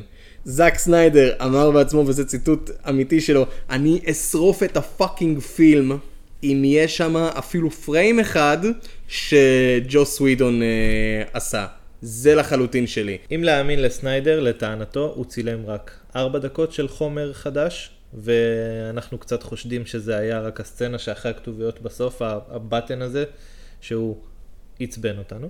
מאוד. אה, אבל אה, סניידר ידוע כצלם אה, מוגזם, צלם מגזים, והוא אוהב לצלם הרבה, והוא אוהב לתת לשחקנים שלו להיפתח על המסך ולנסות את השורות, למשוך אותם עד הסוף, כמו שאני עושה עכשיו, ו- ואחר כך הוא נכנס עם זה לסטודיו ועורך ומח- ומרכיב וגם מצמצם לכמה שהסטודיו מבקש ממנו, אז עכשיו, כמו שאמרתי מקודם, יש לו את ה...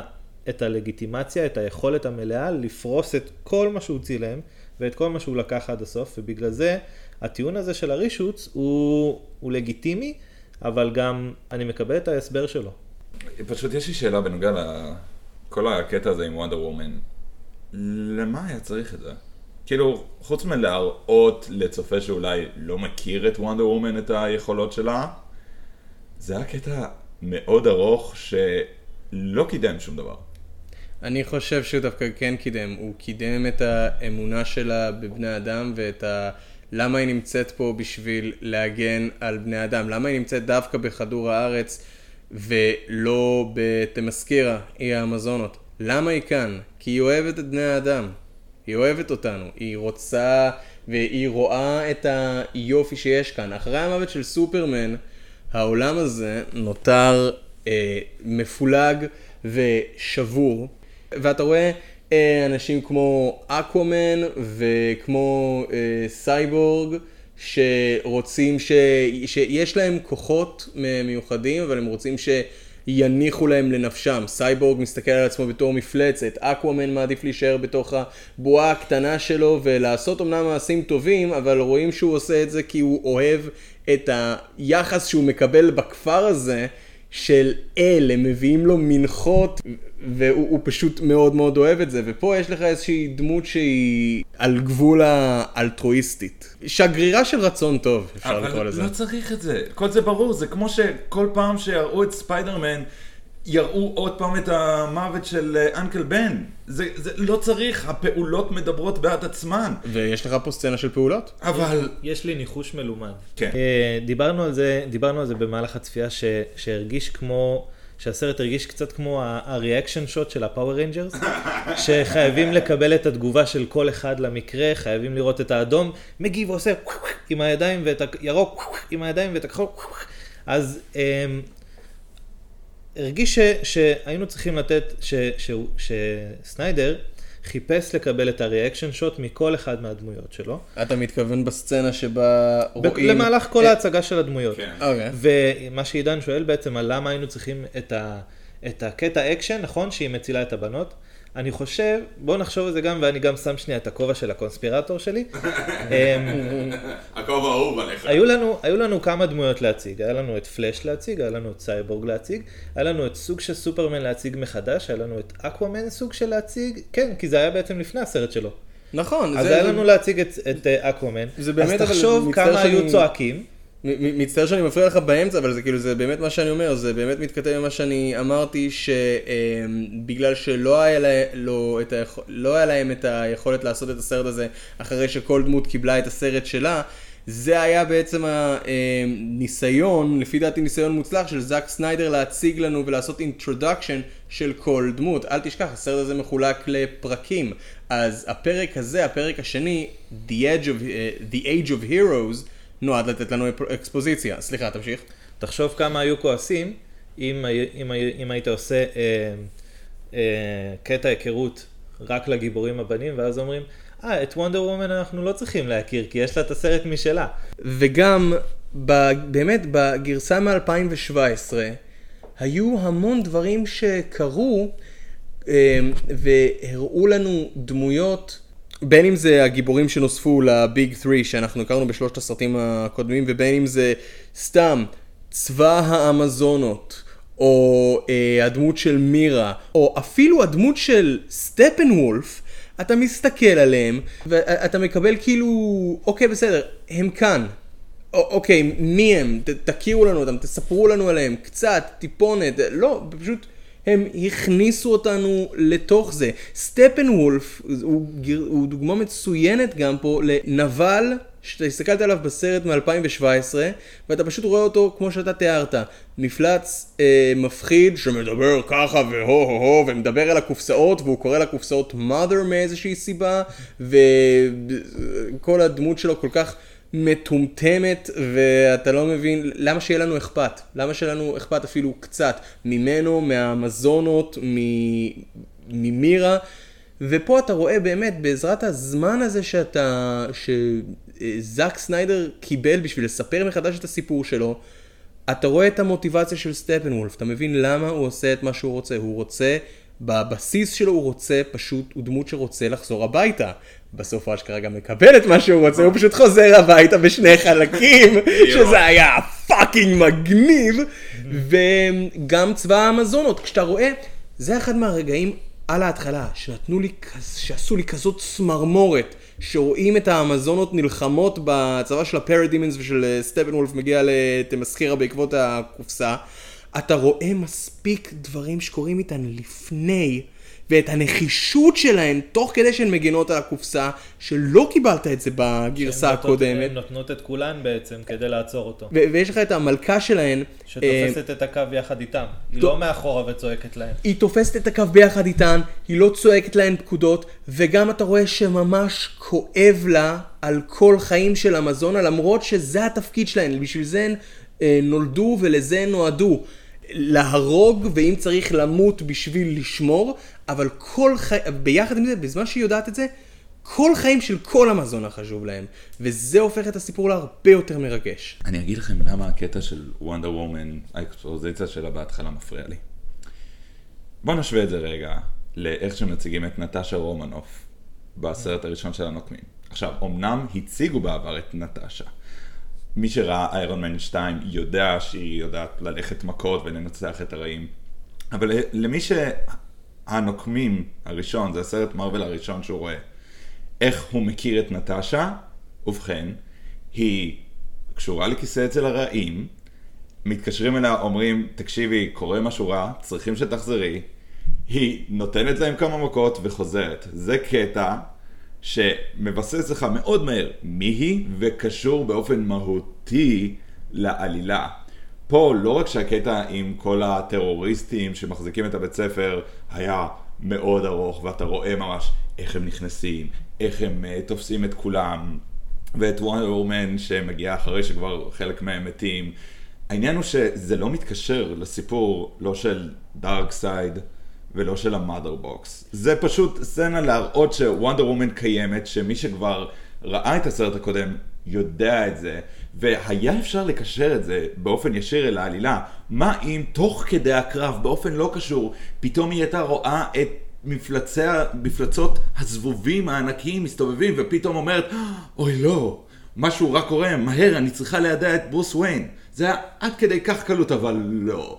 קודם כל יש את הקטע הזה, ואז יש את כל הקטע המאוד ארוך עם האמזונות, ואז קטע אחר שהאמזונות יורות חץ, ואז קטע שהיא שומעת שירו חץ, ואז קטע שהיא באה לראות את החץ, ואז קטע שהיא רואה ציורים על הקיר, ואז קטע שהיא מיידעת את ברוס וויין. אבל אני חושב, אז פה אני אחלוק עליך, אני חושב שהקטע הזה, חוץ מאשר לעשות לנו introduction עם הדמות של וונדר וומן, עד כמה שהיא כאילו ממשיכה to fight the good fight וכמה שהיא מאמינה ב, בבני האדם, הוא גם נועד לתת לנו הצצה למה נהיה מהעולם הזה אחרי שסופרמן מת, והחבר'ה האלה שהיא נלחמת בהם בבנק, שרוצים בעצם לפוצץ את הבנק, הם לא שודדים, אין להם אג'נדה פוליטית, אין להם שום דבר, הם פשוט, יש בנק גדול ש... ומרכזי שמסמל את אה, פסגת העולם המודרני, והם רוצים פשוט לפוצץ אותו ולקחת כמה שיותר חיים ביחד איתם, בגלל שהם פשוט רוצים להחזיר את העולם ל-The Dark Ages of Fear. זה עד כמה שהעולם הזה נשבר במרכאות, מנקודת המבט של, של בני האדם. אחר כך סטפן וולף מדבר על זה של...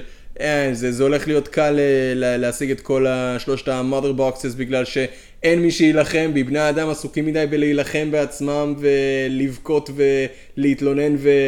ולפחד. אבל פה אתה ממש מקבל הצצה למה בני אדם מסתכל... רואים מהעולם הזה. רגע, בני אדם לא נלחמים בינם לבין עצמם גם כשסופרמן נמצא? ברור שכן. לפתוח לך את פייסבוק? מה? לפתוח, בדיוק, לפתוח את אנחנו פייסבוק. רבים כל יום. בדיוק. נכון, כאילו- אבל פה יש לך אשכרה קבוצה של אנשים שאומ- שאומרת מוות. מוות מוות לכולם, מוות לכולם, בגלל שלעולם הזה אין תקווה. בגלל, זה- ש... בגלל שאנחנו לא מאמינים בעצמנו מספיק. אוי, זה, זה, וואו, סליחה, זה שטחי. זה, אני- זה פשוט, זה דרך פשוט רעה לבסס דמויות, וגם הנבל, איך קוראים לו?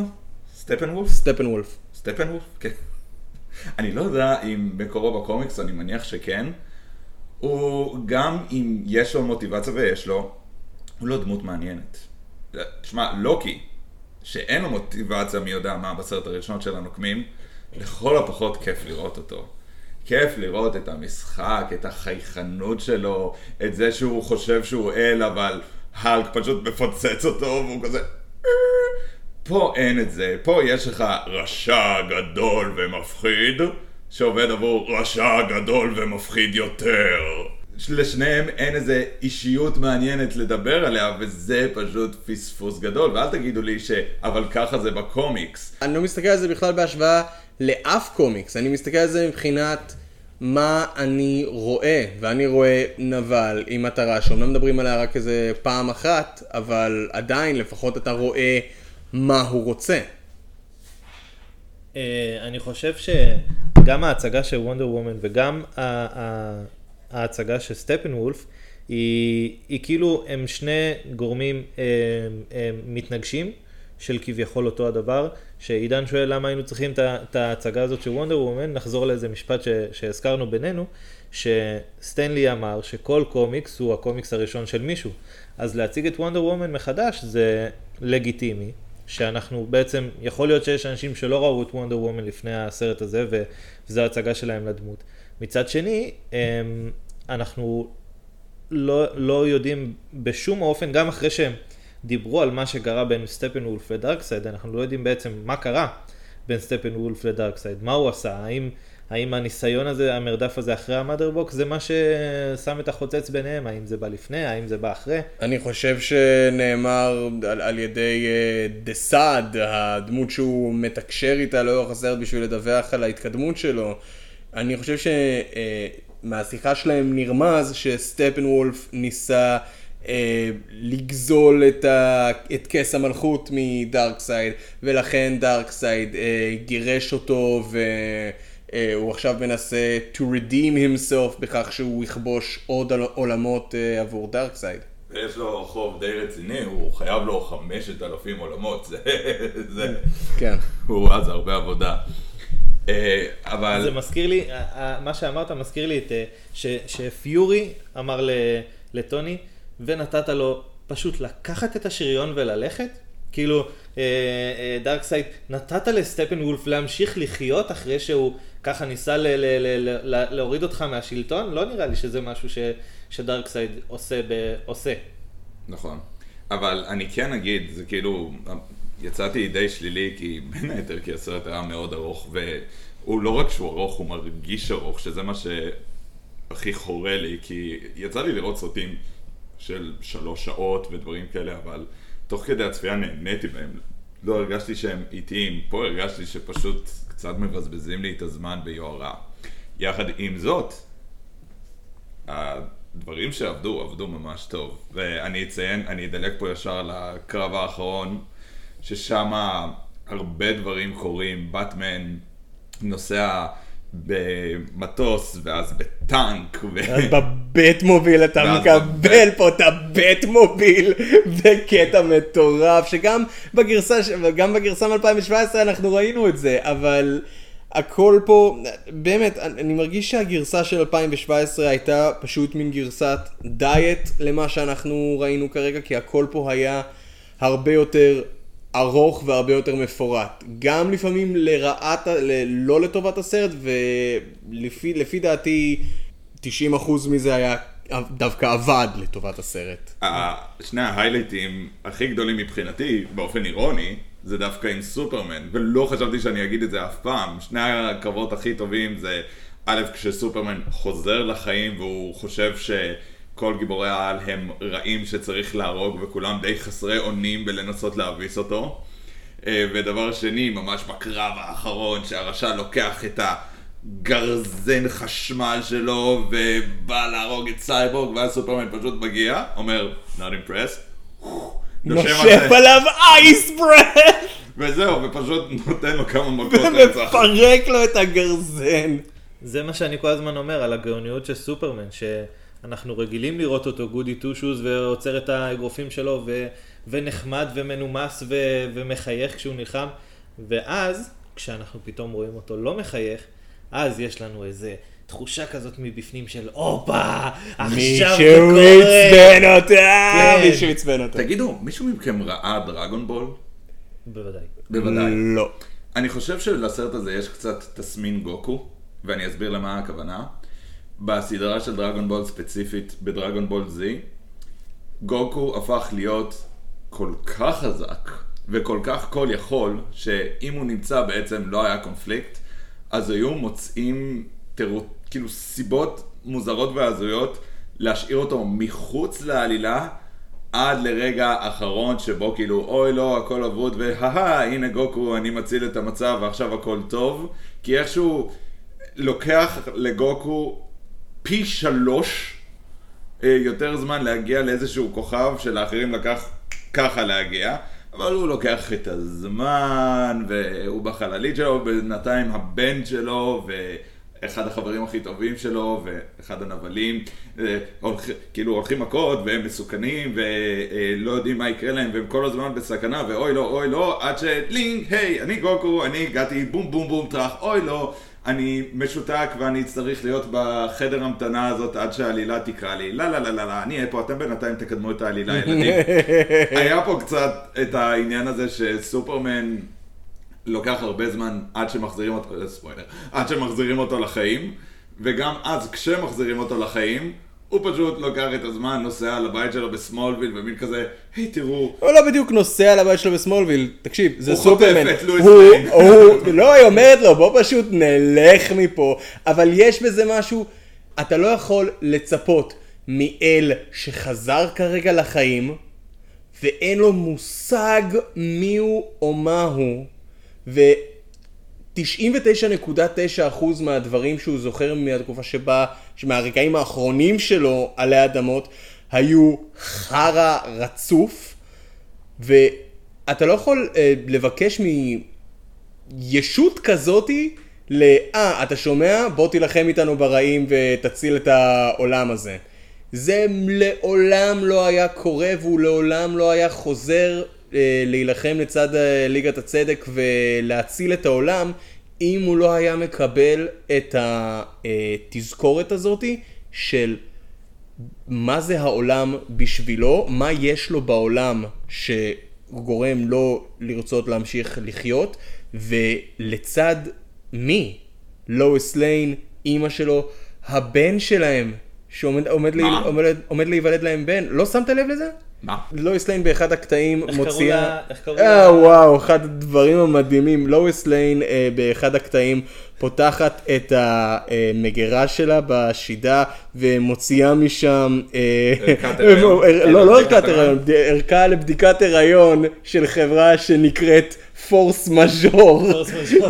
כוח עליון למי שלא בדיוק אה, מעודכן בלטינית שלו, ואז הולכת לשירותים. בפרק האפילוג של הסרט הזה, כאשר ברוס ויין עושה את אה, מה שהוא עושה בשביל להחזיר למשפחת קנט את החווה שלהם בחזרה, הוא אומר לקלארק, Congratulations by the way. ובעצם לסופרמן הולך להיות ילד ביחד עם אה, לואיס ליין. פספסתי אז את זה אז- לגמרי. אז. אז, אז שוב, יכול להיות שזאק סניידר פה עשה המון באותות ובמופתים בשביל אה, למתוח כל רגע כמו אה, שירה.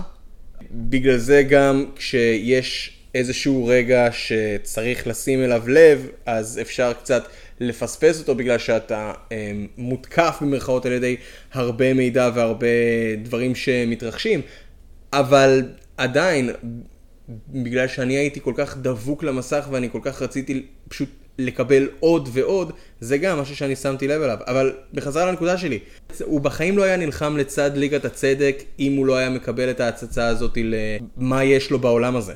אני כן אהבתי את הרגע הזה שבכל האקשן והטירוף הוא הולך לטבע. זה אגב אולי הסצנה היחידה שהייתה צבעונית בכל הסרט, כי כל הסרט הוא נורא נורא כהה ואפל, כי כולם, הגוון שלהם זה פשוט שחור וכהה. אבל זה, זה משהו שאהבתי, אבל אני לא אוהב את כל האספקט הזה שנורא הדגישו כמה אלים ורחוקים מהאדם, הגיבורים האלה. אה, אני חושב אבל שזה... הם לא, אבל הם באמת, כן, אבל הם באמת לא, לא, לא. לא, לא, לא, לא, לא. פה במפורש לא מפסיקים להדגיש שהגיבורים האלה הם אלים. גם עם המגרעות שלהם, את סופרמן כל הזמן מצלמים כשהידיים שלו פרוסות לצדדים כמו ישו. זה וכשבטמן- סימבולי בלבד. וכשבטמן מופיע פעם ראשונה עם החליפה שלו, מצלמים אותו מלמטה, ומוזיקה כזאת שמהללת אותו. כל רגע שוונדר וומן על המסך עם החליפה שלה, יש את המנגינה של... אלת הצדק, מציגים אותה על אלת כן. הצדק.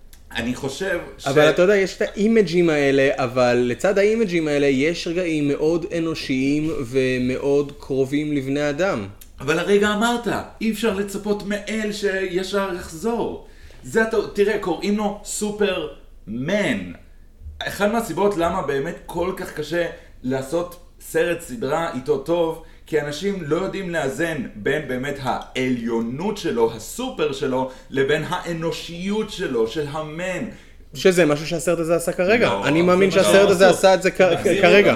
הם החזירו אותו כאל לחיים, ואז הם הביאו לו בעצם את האנושיות שלו בזה שהביאו לו את לואיס, ואחר כך הביאו את אימא שלו. החזירו אותו, את לואיס, ואז לבית שהוא גדל בו, ואז את אימא שלו. בעצם שם הם החזירו לו את האנושיות שלו אחרי שהם החזירו אותו כ-God mode. כי כשהוא היה אל הוא פשוט פירק, ניגב עם ליגת הצדק את ה... אין את האנדרטה. העניין הוא שעדיין, לקראת כל רגע, לפני שהוא חוזר לחיים, כל שאר הדמויות מהללות אותו, ואוי, כמה שאני מתגעגע לסופרמן, והוא היה הגיבור שלי, וכמה שהייתי, כאילו, וגם כשאימא שלו, בסדר, מתגלה שאחר כך שזה לא אימא שלו, אבל כשכביכול אימא שלו מדברת עם לואיס על כמה שהיא אהבה את הבן שלו, היא לא דיברה בצורה אנושית. כן, אני יודע, מאוחר יותר התגלה שזה החייזר שהסווה את עצמו, אבל ככה לא מדברים לבן שגידלת, אלא באמת לאיזה אל. ואני חושב שזה היה פספוס, כי אוי לא, הוא היה הסמל של התקווה, וכולם, וכמה זה היה קשה, שאני לא יכולה להיות גבורה עם הסוד, ומי כזה. זה ככה אנשים לא מדברים, ככה נולן מדבר. אבל- שוב, אתה, אומר- אבל אתה אומר את זה בעצמך, שוב, זאת לא אימא שלו, וגם, יש פה איזשהו... רגע, אה, ואין דיאלוגים כאלה ב- באיש הפלדה? לא מצד אנשים אנושיים.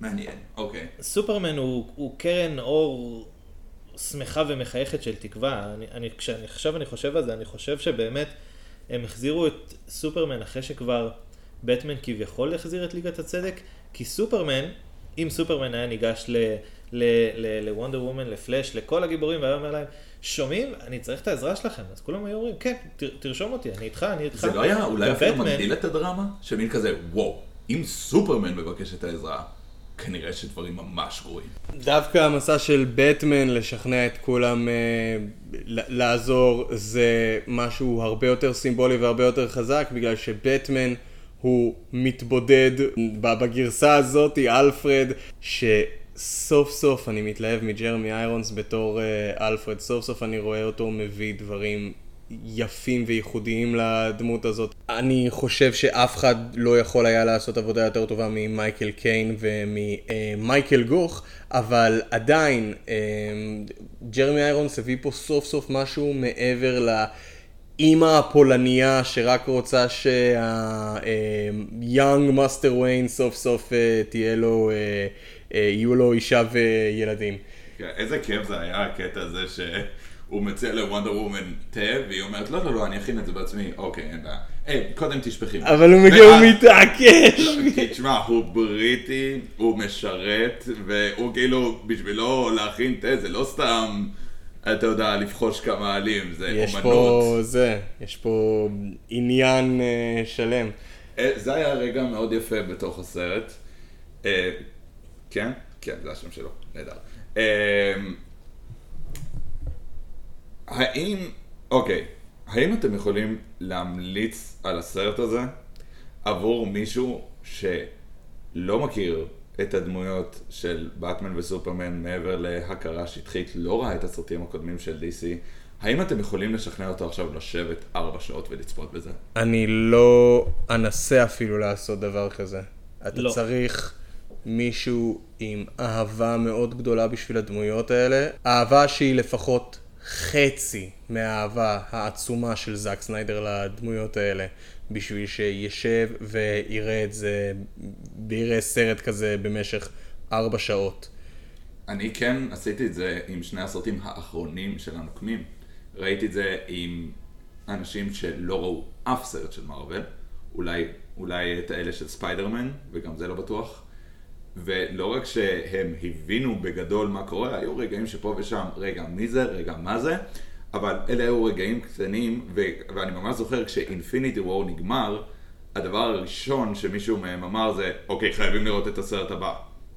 וזה גם אפוס מאוד גדול עם מלא Easter eggs ומלא כאילו ידע קודם על הדמויות ו... ואלו אנשים שמעולם לא ראו אף סרט אה, של מארוול וההיכרות שלהם לא זה? חוץ, חוץ מנראה לי ספיידרמן הום קאמינג, הם לא ראו אף סרט. מעניין.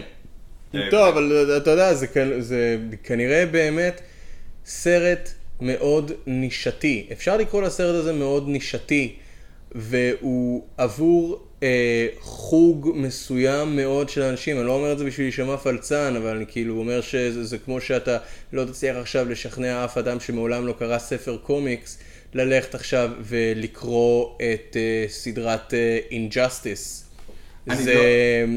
בנוגע ספציפית ל Injustice, אתה צודק, כי זה מדובר יענו על יקום אלטרנטיבי, וחלק מהדברים הוא פשוט לא יבין מה ה big deal, כי כל הרעיון שם זה כמה שהכל אלטרנטיבי. אבל יש הרבה חוברות קומיקס, הרבה סיפורים, אפילו נישתיים, שאתה יכול להציע, וואטשמן, אתה לא חייב להכיר שום דבר, אתה לא חייב להכיר את הטרופס של גיבורי על, ועדיין להעריך את הסיפור שיש שם. אבל וואטשמן זה איזשהו משהו שעומד בפני עצמו, אני מדבר איתך פה כאילו, אז זה, זה סרט, תראה, מה שזאק סניידר עשה עם 300 ועם וואטשמן, הוא יכול להיות הרבה יותר אה, מונגש לק, לקהל רחב של אנשים, בגלל שהוא גם וואטשמן וגם 300 אלו נובלות גרפיות שעומדות בפני עצמן, שיש להם התחלה, אמצע וסוף.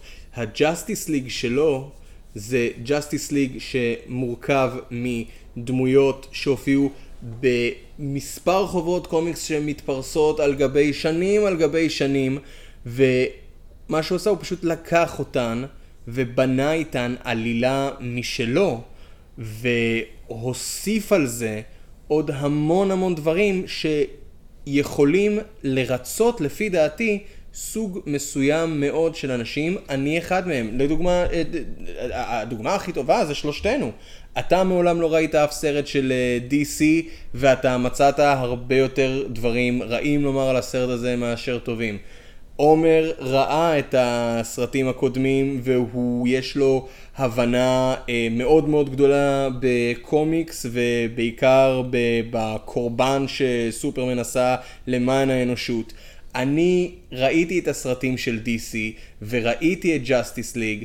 אני זוכר את הרגשת ההחמצה עם הגרסה מ-2017, וכשאני מסתכל על הסרט הזה אני רואה משהו הרבה יותר שלם והרבה יותר מספק. וכמוני אני מניח שבמדינת ישראל יש, לא יודע, אחד על כל עשרה אנשים, I dare say, זה קהל מאוד מאוד ספציפי, אבל הוא מקבל פה סיפוק ענק לפי דעתי. אז לא, לאנשים שהם מעולם לא ראו שום דבר שקשור לדמויות האלה חוץ מאשר הכרה השטחית, אני אפילו לא אנסה להמליץ על הסרט הזה, כי אני יודע שהם יתייאשו אחרי שעה, אבל האם אני יכול להמליץ על הסרט הזה לאנשים שאוהבים את הדמויות האלה? fuck yes, אני מסוגל להמליץ על זה בחום. הנאה היא מאוד סובייקטיבית לגבי האם, האם תהנה מסרט, האם, האם חוויות שלי, ניסיון החיים שלי יגרום ל... אני אוכל להמליץ לעיד- לעידן על סרט? אני לא חושב. אני יכול להגיד לו למה אני אהבתי את הסרט, אבל אני לא יכול לצפות שהוא יצא מהסרט עם אותה הנאה כמו שלי. וזה מצחיק שהעליתם את וואטשמן שניכם כדוגמה טובה, כי אני לא הולך להמליץ על וואטשמן לאף אחד כקומיקס. אלא אם כן זה מישהו שכבר קרא קומיקס ו- וזה, אבל זה גם מישהו שאני אמליץ את זה למישהו שיש לו ניסיון בקריאה של דברים ארוכים. כי אני לא אהבתי לקרוא דברים ארוכים, וכשאני נכנסתי פעם ראשונה לוואטשמן, הרגשתי כמו, הרגשתי בעונש. קראתי את החוברת בעונש, לא קראתי את החומר שבין, ה, שבין הפרקים, את המאמרים האלה שהוא הכניס, לא קראתי את, ה, את הקטעים על הספינה השחורה. אני לא ממליץ על וואטשמן כ, כ, כקומיקס ראשון למישהו, או גם כקומיקס עשירי למישהו, זה באמת אנשים שהם רוצים לחוות קומיקס ברמה שהיא קצת נעלה, אז אני אגיד להם, שימו לב, יש לכם פה קומיקס מאוד פלצני, מאוד יומרני, וכשאתם נכנסים אליו, תיכנסו אליו בראש הזה, וככה בדיוק אני ממליץ על, ה- על הסרט הזה. רק אנשים שמסוגלים להתמודד עם, ה, עם, ה, עם החומר הזה, שיש להם זיקה לחומר, ש, שהם יוכלו להגיד לעצמם, אוקיי, זה, זה, זה עוד שנייה נפתח, זה עוד שנייה ישתפר. זה אנשים שיהיה להם את הסבלנות לסבול את, ה, את ה setup הארוך, את ה buildup לסבול, הארוך. במ- אני אני מסתכל על זה יותר לסבול במרכאות. לסבול במרכאות, לסבול במרכאות. להיות סבלניים יותר נכון. כן, כן, כן. מצד אחד, אה, אני לא כל כך נהניתי מהסרט הזה, אבל מצד שני, אני כן שמח שהסרט הזה קיים. אני כן שמח שהם הסכימו לעשות משהו נישתי שאמור להיות אה, מונגש לקהל רחב. זה בדרך כלל משהו שהוליווד לא ממש ששה לעשות. אה, אבל דווקא עכשיו עם סרטי קומיקס, ולהתחשב בזה שגיבורי העל הם הז'אנר הכי גדול בקולנוע ובעזרת דיסני פלוס עכשיו גם בטלוויזיה. אה, ואני יודע שיש מישהו שגם יגיד ארוורס, אבל... אה, בכל מקרה, אני כן שמח שהם כן מסכימים לעשות דברים נישתיים יותר, שפונים לקהל קטן יותר ובכל זאת משקיעים את כל התקציב ואת כל הסטאר פאוור, אה, מתוך מחשבה של יהיה לזה קהל, כי זה משהו שבמשך הרבה זמן הוליווד לא הסכימה לעשות בכלל, ועדיין עדיין מפחדת לעשות. ואני חושב שעכשיו זה הזמן הכי טוב לדבר על ה... "מ, הדבר שהרגיז אותי כל כך בכל החוויה הזאת. אז הפרקים של הסרט, ששת הפרקים של הסרט, נגמרו, מ- ליגת הצדק, ליגת הצדק ניצחה את אה, סטפן וולף ושלחה את הראש המבוטר שלו בחזרה לדומסדיי בקטע פשוט מדהים. לכל קריאותינו המעודדות. וזה היה פשוט יפהפה. אמ, והסרט נגמר, הטובים מנצחים, ואז אנחנו נכנסים לאפילוג שבחלק מאוחר יותר שלו אנחנו חוזרים בחזרה לעולם העתיד המסויט של אה, בטמן בתור אה, לוחם עם רובה שיורה בפרדימנס על ימין ועל שמאל אה, עולם שנשלט על ידי דומסדיי אחרי המוות של אה, לואיס ליין ואחרי שסופרמן נלקח על ידי בן חסות של דומסדיי ועכשיו אנחנו רואים את בטמן לא לבדו, לא גיבור העל היחיד אה, עם כמה של לוחמי חופש לצידו שנלחמים בסופרמן ובחייליו אלא כחלק מצוות מאוד מאוד מוזר של אה, גיבורי על. הוא ממשיך ביחד עם אה, סייבורג ועם פלאש. אקוואמן ווונדר וומן are nowhere to be seen. מירה מצטרפת אליהם. דת'סטרוק מצטרף אליהם. ו... תספורת חדשה. עם תספורת, עם כן. תספורת אה, חדשה. אה, והם מגייסים את עזרתו של הג'וקר, אה, שיעזור להם, שמשום מה הם צריכים את העזרה שלו בלתקן את הטיימליין הזה, והגרסה הזאת של כדור הארץ.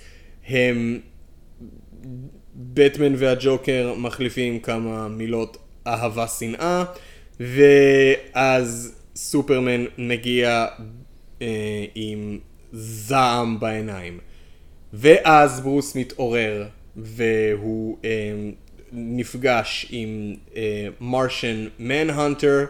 הפתעה, הפתעה, הם השחילו את מרשן מנהנטר לגרסה הזאת, ומסתבר שהוא היה הגנרל הספקן לגבי אה, סופרמן מהסרטים Man of Steel ובטמן נגד סופרמן, והוא מדבר על כך שהוא... אה, כמו בטמן, יש לו, he has stakes in this world, והוא יודע שיש מלחמה, הוא יודע שדומסדיי לא יוותר על כדור הארץ בכזאת קלות, בעיקר לאחר שהוא הבין מסטפן וולף ששם נמצאת גם הנוסחה לאנטי לייף, והוא יודע שדומסדיי יגיע, הוא יודע שיש מלחמה והוא רוצה לעזור, בטמן מקבל את uh, עזרתו, השניים נפרדים, וכאן הסרט נגמר. זה היה קטע מאוד מאוד מאוד נישתי בסרט שהוא מאוד מאוד נישתי, ובגלל זה אני יכול להבין למה הוא יכול היה להשאיר טעם רע. לא ולא ולא ולא ולא ולא ולא.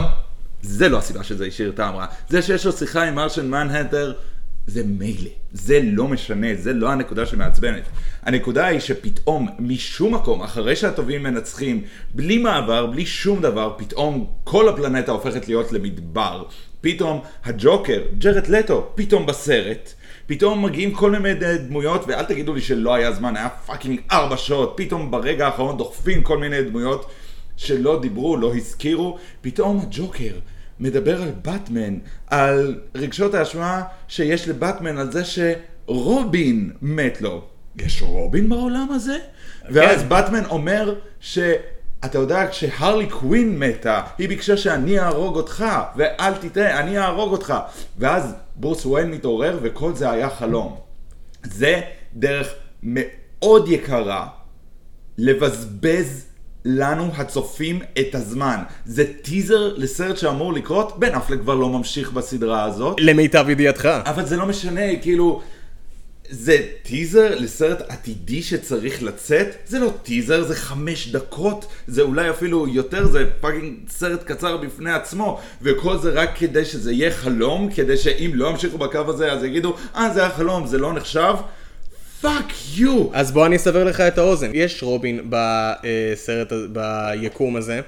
אה, בבטמן נגד סופרמן רואים שאחד הדברים שגורמים, שתרמו לאמון של בטמן בבני אדם ואנשים, זה כל הסיפור של Death in the Family, כשהג'וקר רוצח במכות את ג'ייסון טוד with a crowbar, הם משתמשים בזה, הם מראים את ה-Bat Cave ומראים את בטמן שומר את החליפה של ג'ייסון טוד אחרי שהג'וקר כתב עליה בגרפיטי uh, The jokes on you Batman, הא הא הא.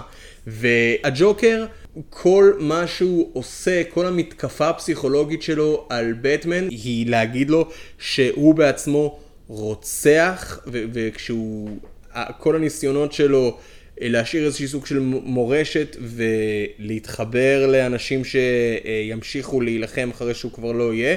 מובילים בזה שהוא פשוט שולח ילדים לעשות את העבודה שלו. הוא נהנה מאוד לגרום לבטמן את הרגשות אשם ולנגן עליו כמו על אה, כינור. ואז בטמן אומר איזשהו משהו על הרלי קווין, על המוות שלה. ועכשיו... אתה צריך להבין, אלה סצנות חלום, אבל יש בהן, יש בהם איזשהי סוג של אזהרה לגבי העתיד. ואני חושב שמה שזאק סניידר עשה פה, והוא ניצל את הפלטפורמה הזאת יפה מאוד בשביל uh, לעשות את זה, זה להגיד למעריצים, חבר'ה, אנחנו הצלחנו להרים את הסניידר קאט, תודה רבה לכם. אם אתם רוצים עוד, אז תתחילו להפציץ עם... Um, איך אתה אמרת קוראים לזה? Revi- revive, the, Snyderverse או revive the Snyder cut. בואו אה, תנו לי את האמון שלכם בשביל להמשיך את הסיפור הזה.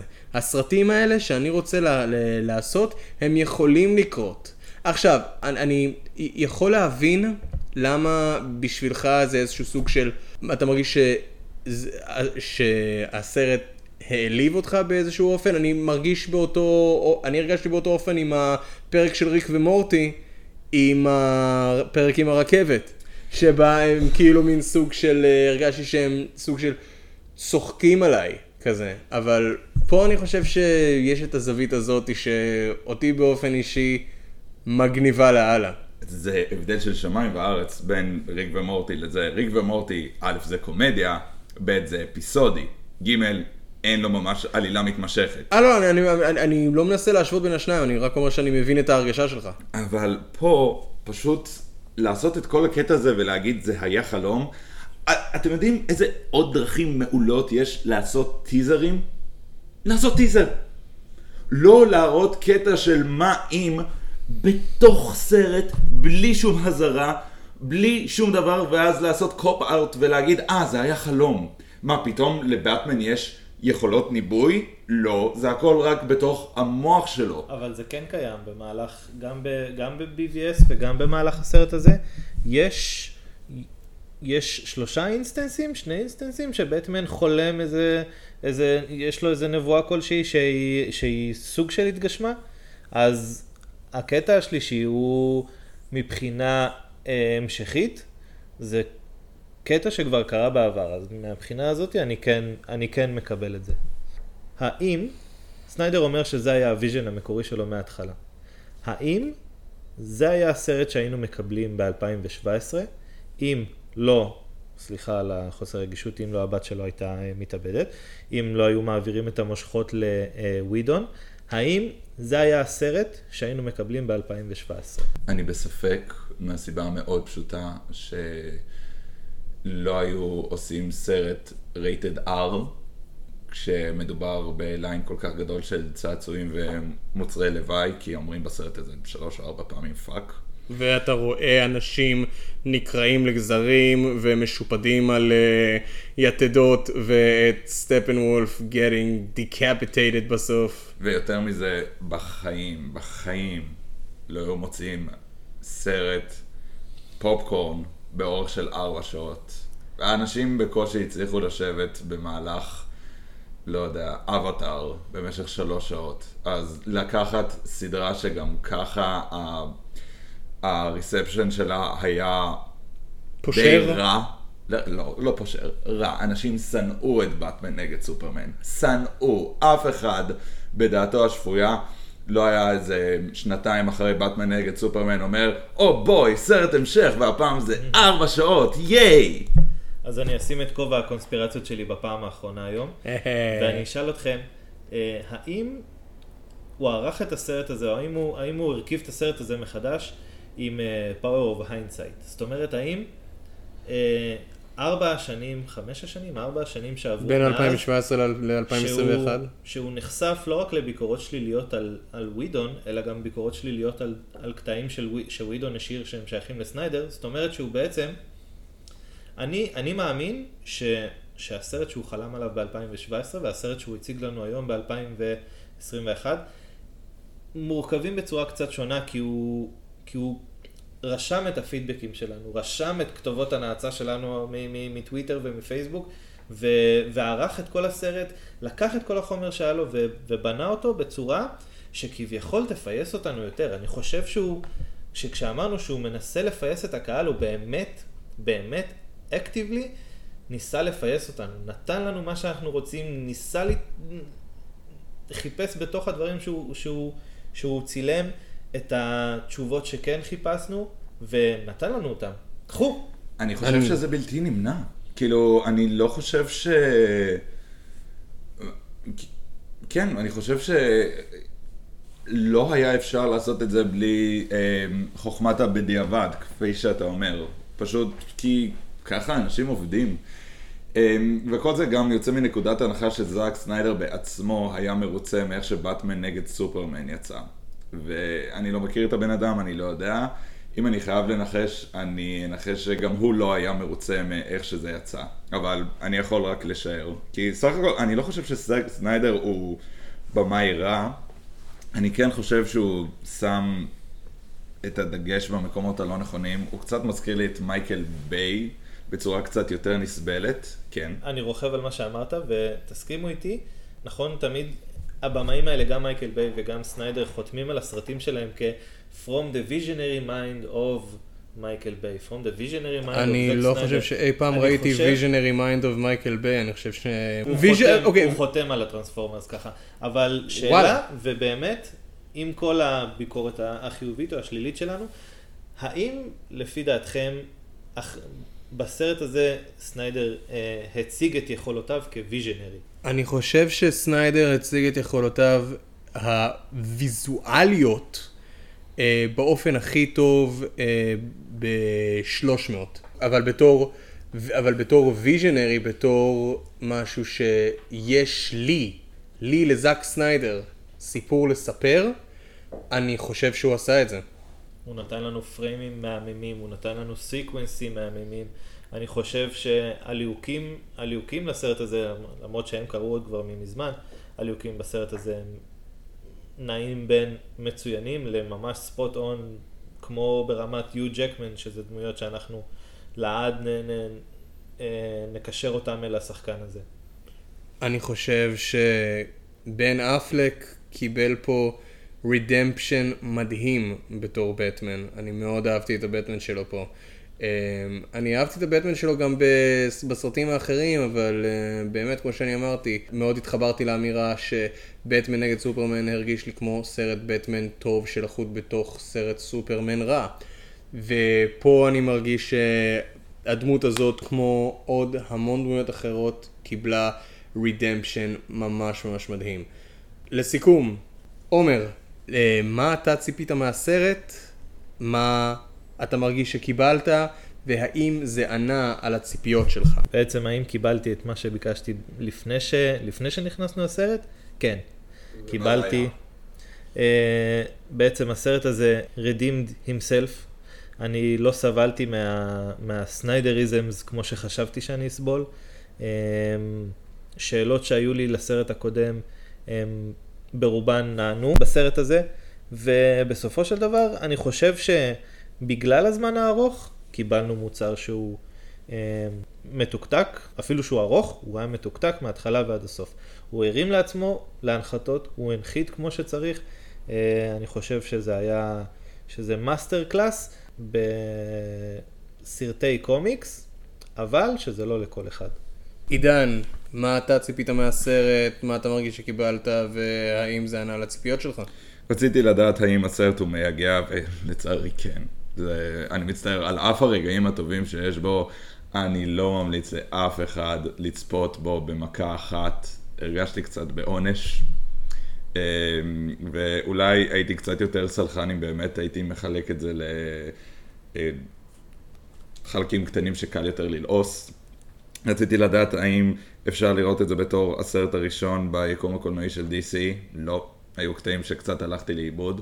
אה, בעיקר דברים קטנים ומינוריים, נגיד, לא הבנתי למה פתאום באטמן מדבר בקול משונה, ואז אתם אמרתם שהתקינו לו מיקרופון שמשנה את הקול שלו, מעניין. רציתי לדעת אם לסרט יש אקשן טוב. יש בו סצנת אקשן אחת טובה שאני ממש הייתי invested בה. בשאר המקרים סליחה, שתיים. יש שתי סצנות אקשן שהייתי invested בהם, אמ, אבל לשאר אני פשוט, לא היה לי חיבור רגשי מספיק גדול לדמויות. המצלמה כל הזמן זזה, מבחינתו כל שוט זה השוט הכי חשוב של הסרט, מה שגורם לבעצם אף שוט להיות הכי חשוב. אמ, ואני כן ממליץ לצפות בקטעים בנפרד מהסרט, אני חושב שהרבה יותר כיף לראות את קטעי האקשן מנותק מהקשר, במיוחד כשסופרמן חוזר לחיים, זה היה ממש כיף.